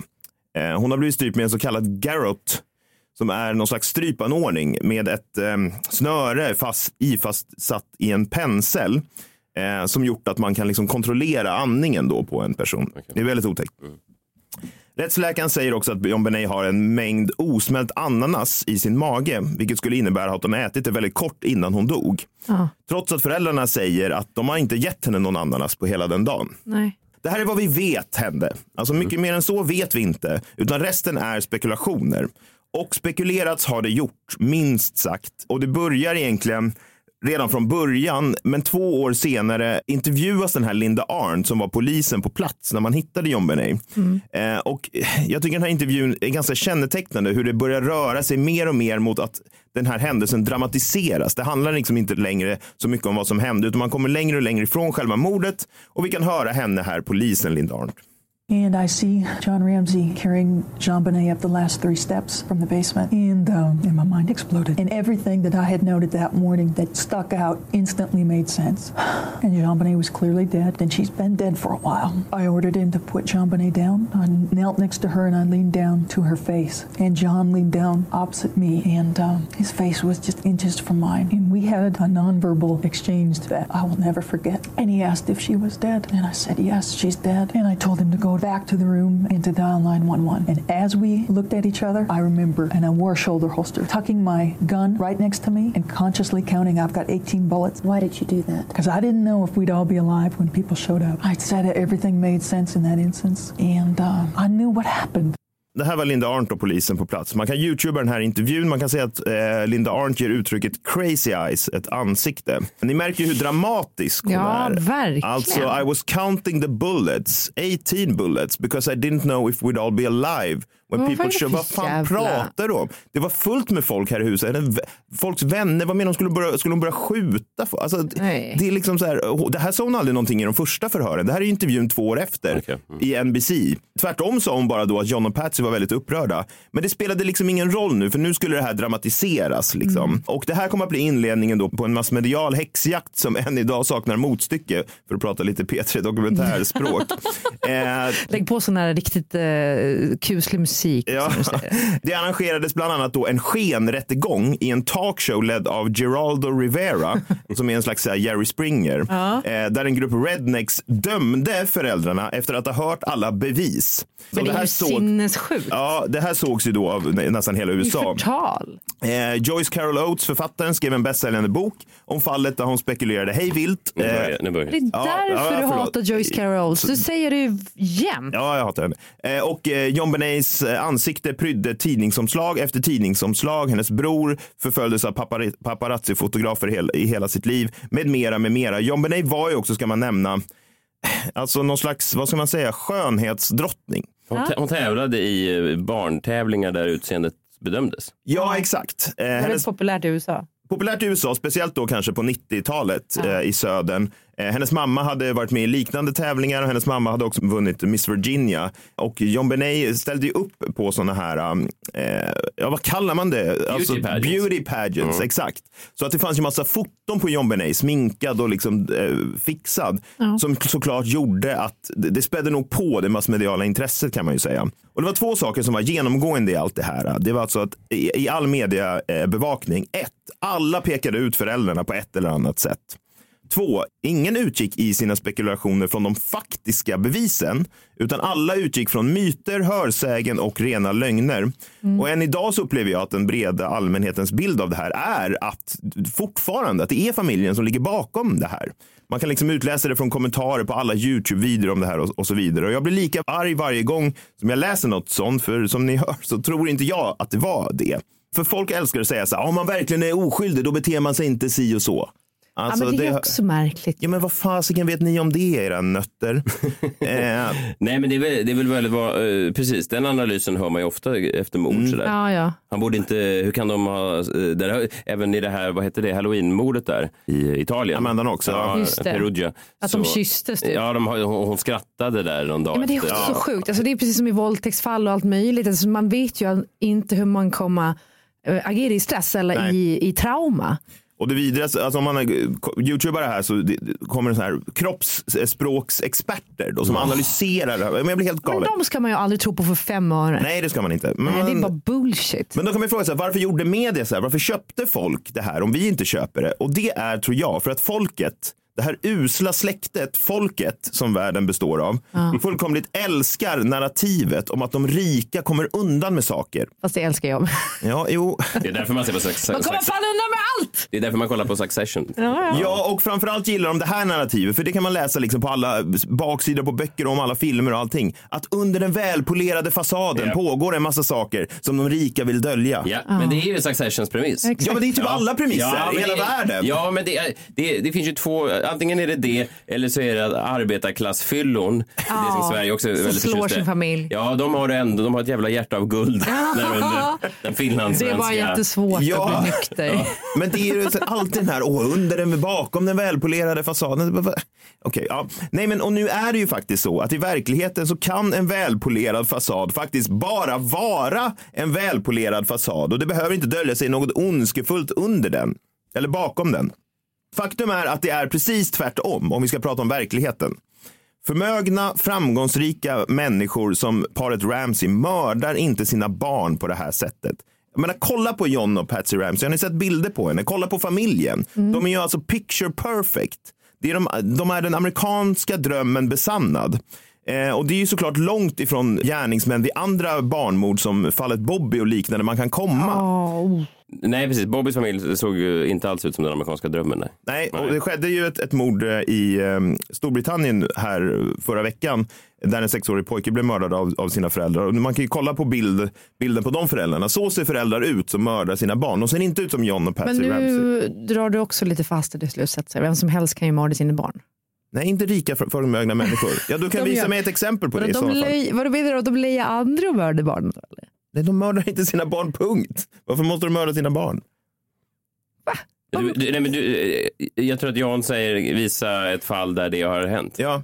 Ja, men Du får googla det. Jag, Det, jag vet fin- inte, det jag, finns jag ju barnmord, men det som är genomgående med barnmord är att eh, föräldrarna är, eh, har en socioekonomiskt utsatt situation, nästan Jaha. alltid missbrukare. Men, men, men Clara, jag, jag vet heller inte riktigt vad som är facit här. Jag litar på John nu, men, men du kan väl få i uppgift till resten av veckan och bara eh, googla Googla barnmord. rich people killing their kids. Du tycker att det är det jag vill göra när jag själv är väl någorlunda rich people, alltså rich rich. Jag är medelklass men ändå gravid också med mitt tredje Ja, men barn. Det är det jag ska syssla med. Än att googla fler katter. I liksom, nej, förlåt, Men, ja, men och, så här, jag vet, internets mörkaste om, man, hörn. om man hittar någon rik människa som har mördat sitt barn, kanske, men inte på det här sättet. Inte på det här sättet. Nej, okej. eh, och jag är ju besatt av det här fallet. Eh, jag har haft kontakt med folk som jobbat med det, boende i Boulder. Jag har till och med mejlat den nuvarande husägaren till Ramsey-familjens hus för att höra om jag kan få komma och hälsa på. Men hon har inte svarat, eh, än i alla fall. Men det förstår jag. Fan vad creepy. Ja, ja, det är lite, kanske lite konstigt. Jag tänkte att vi kan lyssna på en intervju som gjordes med John och Patsy Ramsey en vecka efter mordet. För då säger Patsy någonting i slutet som tyvärr fortfarande är sant. You believe it's someone outside your home. There is a killer on the loose.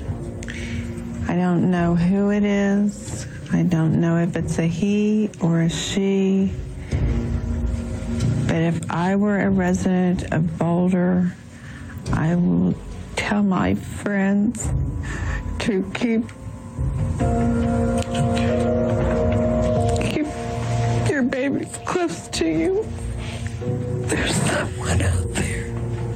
Så här pratar hon ju inte vanligtvis, utan hon måste ju vara helt drogad här. Hon, hon sluddrar ju nästan. Men det förstår man ju också att hon är. Det hade jag också varit om mitt barn hade blivit mördad. Ja, det tro- trodde ju inte folket då, utan de tänkte här är det något skumt på gång. Och trots att det är nästan exakt 25 år sedan Patsy Ramsey sa det här, så är det ju fortfarande sant. There's someone out there.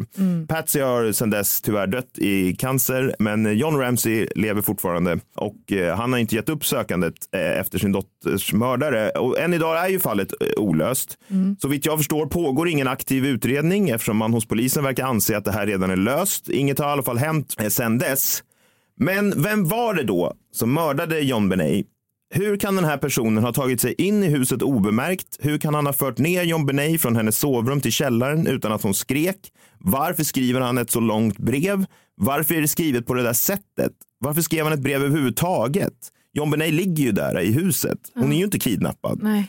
Varför riktade det sig bara till pappan John? Ingen annan är ju ens omnämnd. Och hur var det med den där ananasen? Vem gav John Benet den? Det är liksom så många frågor och att gå igenom min gärningsmannaprofil skulle ta alldeles för lång tid. Du har en sån. Eh, ja, det är klart. Du har gjort den själv. Ja, absolut. Och därför skulle jag eh, vilja hänvisa, surprise, surprise, till den bok som jag har skrivit om det här fallet.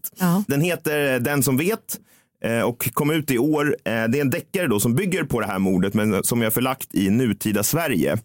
Eh, och istället för att det är en skönhetsdrottning som blir mördad då så är det ett influencerbarn och lite sådana där eh, skillnader. Och till skillnad från så många andra så ville jag ta avstamp i bevisen. Ah. Det är det som skiljer dig från eh, sådana charlataner som Joyce Carol Oates. Åh exempel. ja, åh ja. Hon, måste, hon skriver ju såklart säkert eh, liksom bra, men det bryr inte jag mig om för att det hon har skrivit om bygger inte på bevisen, utan det bygger på hennes egna fruktansvärda fantasier om att det är John Benets mamma som Ja, har, släpp mörd, det, som har släpp torterat och mördat. Ja, förlåt. Ja, nu förstår jag att du är arg på henne.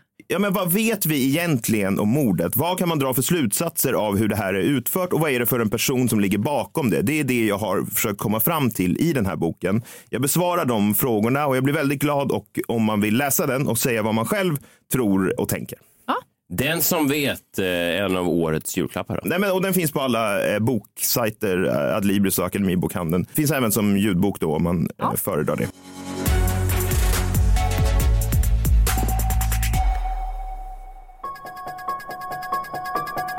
Krimmorgon. Ett nytt spännande fall eh, hoppas jag. Idag ska du då gå igenom, är det det så kallade halloweenmordet? Det är det och eh, det har ju blivit aktuellt nu igen nyligen för att eh, mördaren har precis släppts ut ur fängelset. Han har avtjänat sitt straff då. Hans namn är Rudy Guede. Han har avtjänat 13 år av sitt 16-åriga straff den här vintern och nu har han alltså också släppts fri. Det är otroligt ju att han nästan är anonym, alltså Ja. den mördare som faktiskt har dömts av en, en domstol, den enda skyldiga i den här soppan, eh, om man ska gå då enligt domstolen eller efter domstolen, är nästan anonymiserad om man jämför med, då med de här andra personerna. Ja, verkligen. Alltså, han, är ju döm- han är den enda som är dömd i domstol, men det är ju andra som har blivit dömd då i eh, massmedia och i allmänheten, stora delar av allmänhetens medvetande. Hon blev väl dömd? Hon blev dömd först och sen blev hon släppt. Ja, så hon precis. är både dömd och, och friad och samtidigt inte friad alls. Samtidigt så lever hon ju fri men ändå inte fri och så vidare. Men vi, vi, vi, Ja. att han har släppts ut nu har ju lett till då att den här kvinnan, Amanda Knox, nyligen gick ut på sin Twitter och uppmanade mördaren Rudy Guede att rentvå hennes namn. Alltså nu, hon menar ju så här, nu är han, du är fri nu. Säg bara att jag inte hade med det här att göra. Liksom. Och jag skulle gärna vilja eka hennes eh, tweet här för att trots att en mördare blev dömd så har Amanda Knox i många sammanhang ändå pekats ut som delaktig i mordet. Varför har hon blivit det? Jo, det är på grund av vad hon gjorde i en några sekunders kort filmsnutt som kablades ut över världen. Men vi tar det från början då. För att i efterhand så låter det ju som en tonårsfantasi som förvandlades till en fruktansvärd mardröm kan man säga då. Det var ju den amerikanska utbytesstudenten Amanda Knox och italienaren Rafael Solecito som hade blivit blixtförälskade i varandra och spenderade några intensiva dagar tillsammans då eh, 2007. Det var en väldigt kort tid de hade varit ihop alltså. alltså ungefär lika kort som arge snickarens stubin. 20-åriga Amanda Knox hade lämnat tryggheten hemma i Seattle för att plugga i Perugia, Italien och arbetade deltid på baren Le Chic som på den tiden ägdes av färjan Håkan. Och Amanda Knox... Ah, redan då? Ja, exakt. Han har sålt den sen tror jag. Eh, Amanda Knox har ju berättat att eh, hon kom hem kring lunch den här dagen efter att ha sovit hos Rafael. Hon delade lägenhet med den brittiska utbytesstudenten Meredith Kersher som var 21 år vid den här tiden. Men hon kunde inte hitta Meredith någonstans när hon kom hem. Istället möttes hon av en öppen ytterdörr och ett nedblodat badrum enligt Knox egen berättelse. Hon försökte ringa Meredith men fick inget svar och till slut så ringde hon polisen. Två polismän kom till platsen och hittar då Meredith Kersher död. Kroppen var övertäckt med ett täcke. Hon hade utsatt för eh, övergrepp och hade blivit brutalt mördad. Italiensk polis menade att mordet var extra brutalt eftersom Meredith lämnats att förblöda till döds. Och snart hade händelsen fått stor uppmärksamhet i hela världens media. Delvis eftersom Meredith var utklädd i en vampyrkostym efter att hon hade varit på en maskerad då, tidigare samma kväll. Och då kom det att kallas Halloween-mordet i tidningarna. Och jag menar tidigare hade det mest dramatiska som hänt på Halloween varit när Jockiboi dykt upp på en Halloweenfest i blackface. Joakim Lundell. Joakim Lundell. Ja, just det. Så det är klart att ja, det blev en grej. Media gillade det här. Åh, Halloween-mordet. Polisens misstankar riktades snart mot Amanda och Rafael. För de ansågs ha betett sig underligt när de då bara timmar efter mordet gjorde någonting som fångades på video. Och jag vill hävda att det är här, i den här korta videon utanför mordplatsen, som Amanda Knox döms i allmänhetens ögon. Jag tänker vi kan lägga upp den videon på vår Instagram, at så får man titta på den. Eh, jag återkommer till den också. På mordplatsen så hade polisens tekniker hittat DNA som knöt paret till platsen, alltså Amanda och Rafael. Och det var ju kanske inte så konstigt då med tanke på att Amanda bodde där. Men det här användes i alla fall emot dem. Men det fanns också en massa DNA från en annan person. Och via obduktionen av Meredith så hittades tecken på att hon hade haft sex med en man, Rudy Guede. Eh, En man som var känd för att ha gjort inbrott i kvarteren kort innan hon dog då och hans DNA hittades. Den här Rudy greps ju då och erkände att han hade haft sex med Meredith men hävdade att en annan man hade mördat henne när han var på toaletten. Okej, Ja, det- som man brukar. ja. Det är jobbigt att det hände. Ja, exakt. Man ska bara på toa och sen. Men det hjälpte inte utan han, han dömdes mot sitt nekande. Men rättegången mot Rudy samlade på långa vägar inte så mycket uppmärksamhet som de mot Amanda och Rafael som inleddes i januari 2009. Den lilla rättssalen var så full av reportrar från världens alla hörn att ett par journalister fick sitta vid försvarets bord för att få plats. Eh, bland annat Aftonbladets Tobbe Ek vars keps tog upp halva rättssalen. Ja, det är så jävla typiskt att han ska in med den hela tiden just i rättssalen. För man tänker att det, man borde spara plats istället för... Ja, men han kunde ju tagit av sig kepsen kanske, men det gjorde han inte. Ja, men det är ingen, ingen som har sett honom Nej, utan jag keps tror någonsin. inte att det finns. Polisens teori var i alla fall att mordet på Meredith var resultatet av en sexlek som gått fruktansvärt fel och medierapporteringen hade centrerats då kring Amanda Knox och hennes sexliv. För tidningarna hade hittat hennes MySpace-konto. Och för er som inte vet vad det är så var det en sociala medieplattform eh, som TikTok ungefär fast där allt såg ut och lät för jävligt. ja, det gjorde det verkligen. ja, men om man minns MySpace, fan vad, liksom, vad mycket skitljud man har lyssnat på på MySpace. Och där på MySpace så kallade Amanda Knox sig själv för Foxy Noxy. Något som tidningarna sen döpte henne till. Alltså det är ungefär som att man skulle kalla Bianca Ingrosso för Burlesca Bianca eller något sånt ja, men alltså det, det, ja, ja, ungefär. Och även om Burlesca Bianca då skulle vara ett etablerat eh, namn för henne så är inte det jag skulle ju inte hävda att det är en uh, garant för att man är en uh, skyldig i en, en mordrättegång. Nej, in, inte enligt dig nej. Men enligt tidningarna så såg nej. de ju liksom, den italienska åklagaren och då italienska tidningar och också brittiska tidningar. För Meredith var ju brittisk. Mordoffret ja. alltså. Mm. De gillade ju det här, Foxy Noxy, att hon var liksom en mansslukerska någon slags fem fatal med en engelsk ansikte och djävulens ögon, typ. Tidningarna kom ju också över hennes dagbok som de publicerade där hon skrivit om sina sexpartners. Just det, det är så sjukt ju. Ja, och både Amanda och Rafael nekade ju såklart, men de dömdes ändå. Egentligen utan bevisning och allt som fanns var ju egentligen den här videon. Och vad gör då Amanda på videon? Hon, alltså, hon kysser sin kille Rafael på ett ja. Ja, vad media menar är ett sexuellt sätt. Och det här sker ju då precis när hon hon fångades ju av en tv-kamera, eh, en, en nyhetskamera när hon då står utanför huset och polisen precis har hittat Meredith. Så hon har precis fått reda på att Meredith har dött och eh, då kysser hon sin kille Rafael och det här tyckte ju då både åklagaren och media var väldigt suspekt. Mm, det är också så märkligt för jag tycker när man ser den kyssen så är det så här, eh, det är liksom, de är uppskakade och det är typ så här, hon söker trygghet. Det tycker jag det ser ut som. Ja, vi lägger upp den på uh, at the Daily Messiah, men, men uh, verkligen, det är ju inte, det är inte så att man sitter och tänker att man bevittnar någon slags Nej. Ja, men det, det är ju det som både åklagaren och media hävdade då, att det här ser ju, deras kyss ser sexuell ut på något sätt. Och att det kan bara tyda på att ja, hon var inblandad i det här som någon slags sexuell, jag vet inte, lek. Än så länge är bevisläget väldigt svagt. Exakt. Och eh, efter flera överklaganden och ytterligare rättegångar så frias Amanda och Rafael till slut eftersom, precis som du säger, det finns liksom ingen bevisning riktigt. Men hon är ju fortfarande dömd i mångas ögon, speciellt i italienska ögon. För det här kommer lite en, en anekdot. För jag dejtade en italiensk tjej för många år sedan. Ja. Skrytmås. ja, men, och då när jag satt på någon så släktmiddag eh, så frågade jag, tror ni Amanda Knox är skyldig? Och då tittade alla på varandra först och sa si.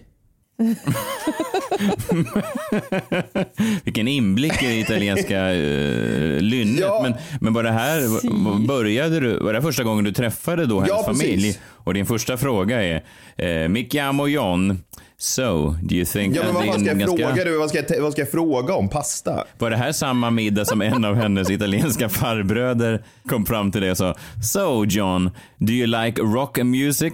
Ja, Giuseppe. Det var hans fråga och jag frågade So Giuseppe, do you think Amanda Knox is guilty? Wow, vilket möte mellan den svenska och italienska kulturen. ja, och eh, när alla sa si då, då blev jag ju lite, ja, men lite upprörd. Jag sa ju hon är ju fria, det finns ju inga bevis. Och då sa de så här. Well, uh, she's a guilty of something. alltså något är hon skyldig till. Det var precis så de sa. Och jag fattade liksom inte riktigt vad de menade med det där. Så jag frågade liksom, vad menar ni med det? Och då sa de bara That's the one spicy meatball. Oj, de bytte där. Ja. ja. det kanske är något uttryck för. Jag vet inte. Ja, det kan det ju vara i och för sig. Jag, jag kan inte så mycket mer. Så jag blev liksom inte så mycket klokare av det. Eh, men det här verkar i alla fall fortfarande vara någon slags allmän uppfattning om Amanda Knox i Italien och i England, trots att hon är helt friad. Men där slutar då historien om Halloween-mordet. Det borde ju inte vara en historia om Amanda Knox, för hon hade ju ingenting med det här att göra. Och när hennes mördare nu är släppt så tycker jag att vi ska skänka en tanke till Meredith Kersher, mordoffret som fick sitt liv avslutat alldeles för tidigt. Ja, verkligen. Matt Damon han gjorde väl en film relativt nyligen som handlade om just det här mordet, där han var då pappan som skulle försöka få sin dotter friad. Hon hade hamnat i typ ett eh, fängelse utomlands för ett mord. Och sen i slutet av allt det här så insinuerar de att dottern ändå var skyldig och hade ja, men, eh, typ bett eh, den här mannen att mörda rumskompisen som också var hennes liksom, kärleksintresse. She's a guilty of something. Köp, exakt så. Ja, men det säger ganska mycket tycker jag att när man skriver en Hollywoodfilm så är ju det det mest dramatiska slutet att ha och det är därför massmedia fungerar ju väldigt likt då att så här, den här storyn om fem fatalen Amanda Knox som får män att göra vad hon vill, att mörda eh, andra Ja. kvinnor och så vidare. Den historien är så pass kittlande att man väljer att berätta den istället för sanningen. Ja, precis. Att det var en inbrottstjuv som också var väl dokumenterat en ganska sleazy guy va? som de hade kört ut ur huset innan för han hade väl varit där någon gång på någon Ja, han hade ju också gjort inbrott i, i hus precis bredvid eh, ett- perioden innan och sådär. Så, så absolut. Och hans del, alltså det, han har, det finns ju då konklusiv bevisning för att det, här, det är han som har utfört det här mordet. Men det var det. Ja, det var det. Vad snabbt han kom ut ändå. 13 eller? år. Det känns som att eh, italienska eh, domar, man, jag vet inte, bara fördomen säger att de, att de skulle ha längre straff Ja. i Italien. Det där känns ju som ett svenskt straff. Först blev han ju dömd till 30 år. Och, eh, men sen efter en överklagan så fick han straffet sänkt till 16 år. Och många tror ju att den eh, domstol som sen sänkte straffet var inne på att han faktiskt, att Amanda Knox och Rafael Solicito då hade någonting med det här att göra. Att han inte var ensam och eh, Ja. därför sänkte de straffet. Och det har ju lett till att han har kommit ut nu efter 13 år. Men du John, visste du om det här, att eh, den här Matt Damon-filmen som Klara nämnde? Ja, ja, jo. Har du sett den? Nej, jag, jag, jag blev irriterad när jag läste om det. Den kom eh, förra året, Stillwater. Jag hade ingen Det är aning. om Stillwater va? heter Ja. den. Ja, precis. Ja, precis. Och eh, Amanda Knox själv har eh, uttalat sig om filmen. Hon har sagt att nej, de, gör, ja, de tar fram fakta som inte stämmer. Ja, hon tar ju såklart, hon, hon skriver inte under på att det var så det gick till. Nej, och ja, det var när jag läste att hon hade sagt det som jag inte blev sugen på att se filmen. Utan man kan istället, tycker jag, se dokumentären om henne på Netflix, Amanda Knox, om man vill ha lite mer korrekt info. Där är också de här brittiska jävla skitjournalisterna som kallade henne Foxy Knox intervjuade, där de motiverar då all deras rapportering om det här. Och, ja, det är ju värt att se för att få en inblick i hur de fungerar. Ja. Också värt att se för att se de här, eh, ska man säga, klandervärda italienska gubbarna till åklagare som eh, inte alltid, mm, de känns inte helt reko. Nej, verkligen inte. Utan de, de letar efter märkliga motiv får man ändå säga. Ja, men nästan en eh, katolsk syn också. De letar efter synd liksom i henne och att det du ska förklara. Ja, det är intressant. Det kan ni se på Netflix och så kan ni se den här Stillwater. Den ska jag försöka se själv nu, även om den kanske då inte speglar Den är verkligheten. inget bra. Är den ingen bra? Nej, jag tycker inte det. Nej, jag fattar.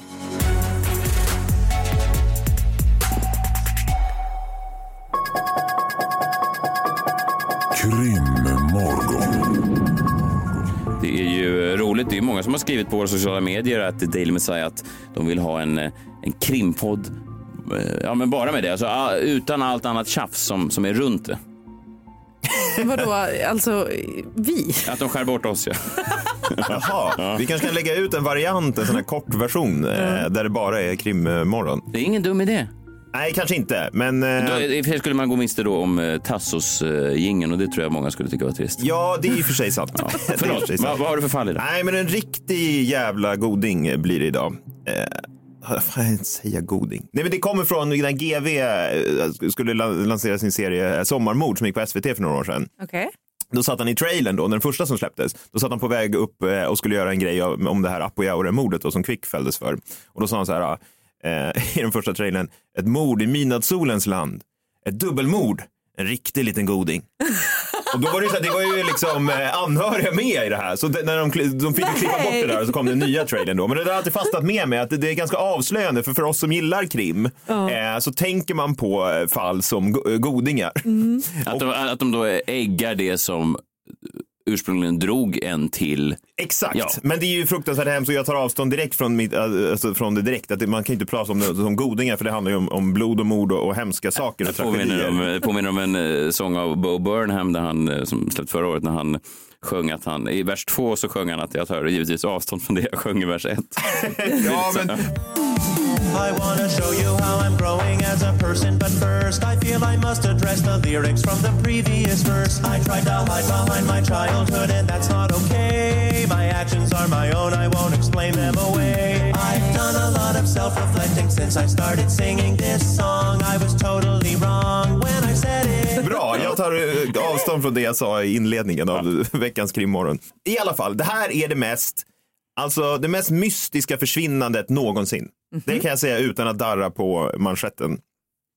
Eh, Som man gjorde på 1800-talet. Ja, men alltså det är så jävla mystiskt och eh, det ska bli kul att se vad ni tror om det här. Eh, Klara Messiah. Och också lyssnarna får gärna, jag tycker det är också kul när de hör av sig till att Daily Messiah och skriver vad de tror eller de har ofta teorier och sådär. Kul. Och det här fallet kallas för The Springfield 3. Vi börjar historien då. Det är nästan 30 år sedan det här hände eh, när Susie och Stacy tog studenten en juni eftermiddag i Springfield, Missouri i USA från Kickapoo High School. Och Kickapoo High School översatt till svenska blir ungefär Sparka Bajs gymnasium. Ja, det blir det. Ja, och eh, de är på fest då, som man ofta är när man har tagit studenten. Eh, Susie och Stacy. Och runt tvåtiden på natten åker de hem till Susie för att sova där. Eh, de ska åka till något vattenland dagen efter med några kompisar. Och där hemma eh, väntar Susies mamma Cheryl. Hon har ägnat hela kvällen åt att måla om en gammal byrå och prata med en kompis runt 11 på kvällen. Morgonen därpå, runt klockan 9, så kommer en kompis till tjejerna. Hon heter Janelle och hennes pojkvän till huset. De har inte dykt upp hemma hos henne, alltså de här tre kvinnorna, Susie, Stacy och Cheryl, eh, som de hade bestämt då på morgonen. Och de ser att alla tre eh, bilar står där, de hade varsin då. Precis utanför ytterdörren så ligger krossat glas som verkar komma från en sån där ytterlampa som sitter eh, utanför dörren. Men själva lampan sitter kvar. Och de vill ju vara snälla och, så och sopar upp eh, glaset. Men när de knackar på så svarar ingen. Men dörren är inte låst. Så de går in i huset, eh, de här kompisarna, och där ser det ut som om de tre kvinnorna precis gjort sig redo för att lägga sig. Det var alltså Susie och Stacy, två 19-åringar, och eh, Susies mamma, Cheryl. Det ser ut som att de precis har gjort sig redo för att gå och lägga sig. Deras kläder ligger vikta bredvid sängarna. Deras handväskor står uppradade på en byrå. De har tvättat av sig sminket i badrummet. Men de hittar inte de här tre kvinnorna. TVn står på. Cheryls hund är hemma i huset. Eh, kanel. Ja, alltså hunden hette, he, hette Kanel. Alltså, kanel. Ah, cinnamon, cinnamon, cinnamon ah, hette, ja, cinnamon. Som också är en, eh, en favoritingrediens för Messiah då. Mm, Man gillar i, Verkligen. pepparkakor. Verkligen. Men när det här paret är där då så händer någonting. De ser inte kvinnorna någonstans, men som hämtat ur nästan en skräckfilm så ringer det i telefonen. Och vad som sägs där, när då Janelle svarar, kommer att bli omdiskuterat många år efter och fortfarande än idag. För när telefonen ringer, inte bara en gång utan två gånger, så är det en man på andra änden. Eh, och den här mannen kommer med flera sexuella antydningar till Janelle. Eh, hon kan inte riktigt komma ihåg i efterhand exakt vad det var. Hon bara minns det som liksom ganska obehagligt.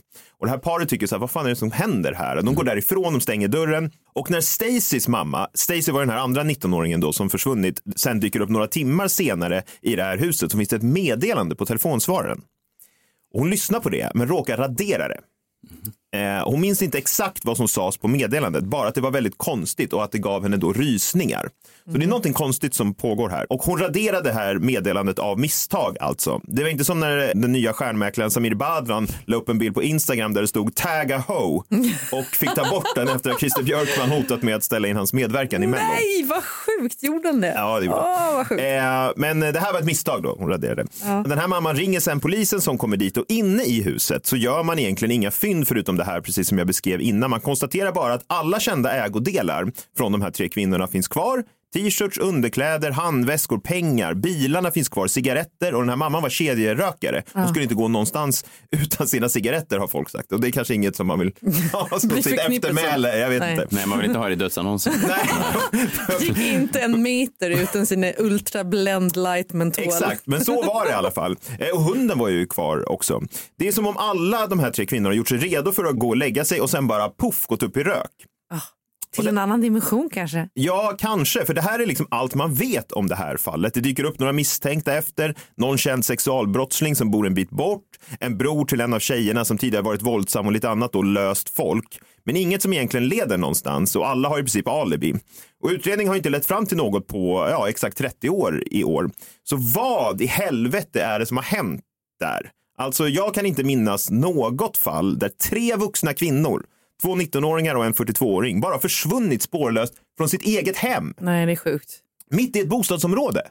Så eftersom jag inte hittar några svar på det här så har jag i min privatspanargärning istället kommit ut fram till några frågor. Okej. Som jag tycker, de här frågorna måste besvaras för att kunna komma närmare en lösning då. Så jag vänder på det och ser om vi tillsammans kan komma fram till någonting. De här kvinnorna skulle ju kan man ändå tänka sig inte bara ha sprungit ut i sina underkläder mitt i natten utan någon måste ju ha kommit dit och gjort något med dem. Ja. Så mina frågor är, hur kunde någon få de tre kvinnorna ut ur huset den natten utan att lämna ett spår av bevis eller tecken på en kamp? Utgav någon sig kanske för att vara någon typ av auktoritet för att få tillträde till huset? Fejkade någon en nödsituation för att få kvinnorna att följa med dem eftersom de har lämnat alla sina grejer? Hade någon ett vapen som han då, han får man väl anta, använde för att kontrollera dem? Mm. I och med att de var tre då. I och med att de var tre, hur kontrollerar man tre vuxna människor? Tre vuxna kvinnor då? Tre vuxna kvinnor? Jag kan knappt kontrollera en. Nej, och inte i sina underkläder heller. Men det ska gudarna veta, det har jag aldrig kunnat. Har du försökt någon gång? Nej, men alltså, Alltså inte kontrollera Nej, kanske, men, men- men jag har försökt säga, säga liksom plats. Hur har det gått då? Det har inte gått bra. Nej, alltså, man kan tänka mig att han kanske behövde ett vapen då. Det hade underlättat för min del. Eh, jag förstår, det här är ingen Nej. how-to-guide för att kontrollera kvinnor i underkläder. Men... Nej, jag menar inte något aggressivt utan mer bara så nu, Det var ett konstaterande nu, då. nu ska vi se min show. Jaha, det är. Ja, just det. Igen. Alltså, du ska spela upp din show igen. Min fru har aldrig sett någon av mina shower. Ja, just det. Men hon skulle få ha byxor på sig i alla fall. Om... Ja, det spelar skitsamma, bara hon sitter där. Om det ska till en pistol för att ta sig igenom det. Två frågor till då. Hur kan kvinnorna ha transporterats från huset i ett fordon? Vilket det måste ha varit. De kan inte bara sprungit ner för gatan för då skulle ju folk Någon ha sett dem. sett dem, ja. Sannolikt då mot sin vilja utan att väcka misstankar eller väcka uppmärksamhet medan förövaren fortfarande kunde köra det här fordonet Mm. och förhindra att de tre kvinnorna flydde eller ropade på hjälp. Så även om man har ett vapen så blir det ju väldigt svårt att ha liksom, tre kvinnor i bilen och så köra bilen. Och sist då, varför har polisen inte kommit fram till någonting på nästan 30 år? Och ni får säga vad ni tror, men jag kan bara se att det finns ett svar som skulle förklara allt det här. Så du säger att du har löst det? Men det, i alla fall, det, det finns bara ett svar som skulle besvara alla de här frågorna. Okej. Och då frågar jag ju såklart er, vad är det för typ av person som checkar alla de här boxarna? Och det måste ju vara en polis. Mm. Det vill säga att kontrollera någon, du behöver ett vapen. Du måste också sätta dem i ett fordon där de inte åker därifrån. De inte rymmer från den. Och va- varför skulle inte de bara liksom springa därifrån? Jo, det behövs ju vara någon typ av auktoritet och en polis. Om, någon, en polis kommer hem till er mitt i natten Ja. och säger nu måste ni följa med här. Någonting, har hänt. Ja. Ja. Sätt er snabbt, ni hinner inte ta med er, er varken hunden eller kanelen eller eh, cigaretterna. Nej. Jag kan bara se det svaret på det. Vad tror ni? Är det det, det eller att du får? Ja, men då tror jag mer på teori ett. Vad tror du då? Med så här? Jag, ja, men det låter väl vettigt äh, att jag skulle knacka på någon u- utklädd till polis. Eller en riktig det polis. måste vara en polis. tror Ja, det kan, man kan ju också köpa en sån uh, Buttricks Fast du måste ha någon polis. Du, köper du polisbilar på Buttericks också då? Ja, fast han kanske bara får ut dem i huset och sen, Civilfordon, eh, sen ja. in i en van Ja. eller någonting. Men var fan är de då? Hur, vad, har han, hur kan man liksom, hur, vad har han gjort med dem? Det är ett otroligt mysterium. Det heter The Springfield 3. Ja. Som i många andra fall som, som jag går igenom så varnar jag för att börja nysta sig in i det här för man blir fucking galen av det. Inga spår. Det finns inga spår. De är borta. De är borta. Inte ett spår på, på 30 år och det är det mest mystiska försvinnandet, eh, tror jag, i världshistorien.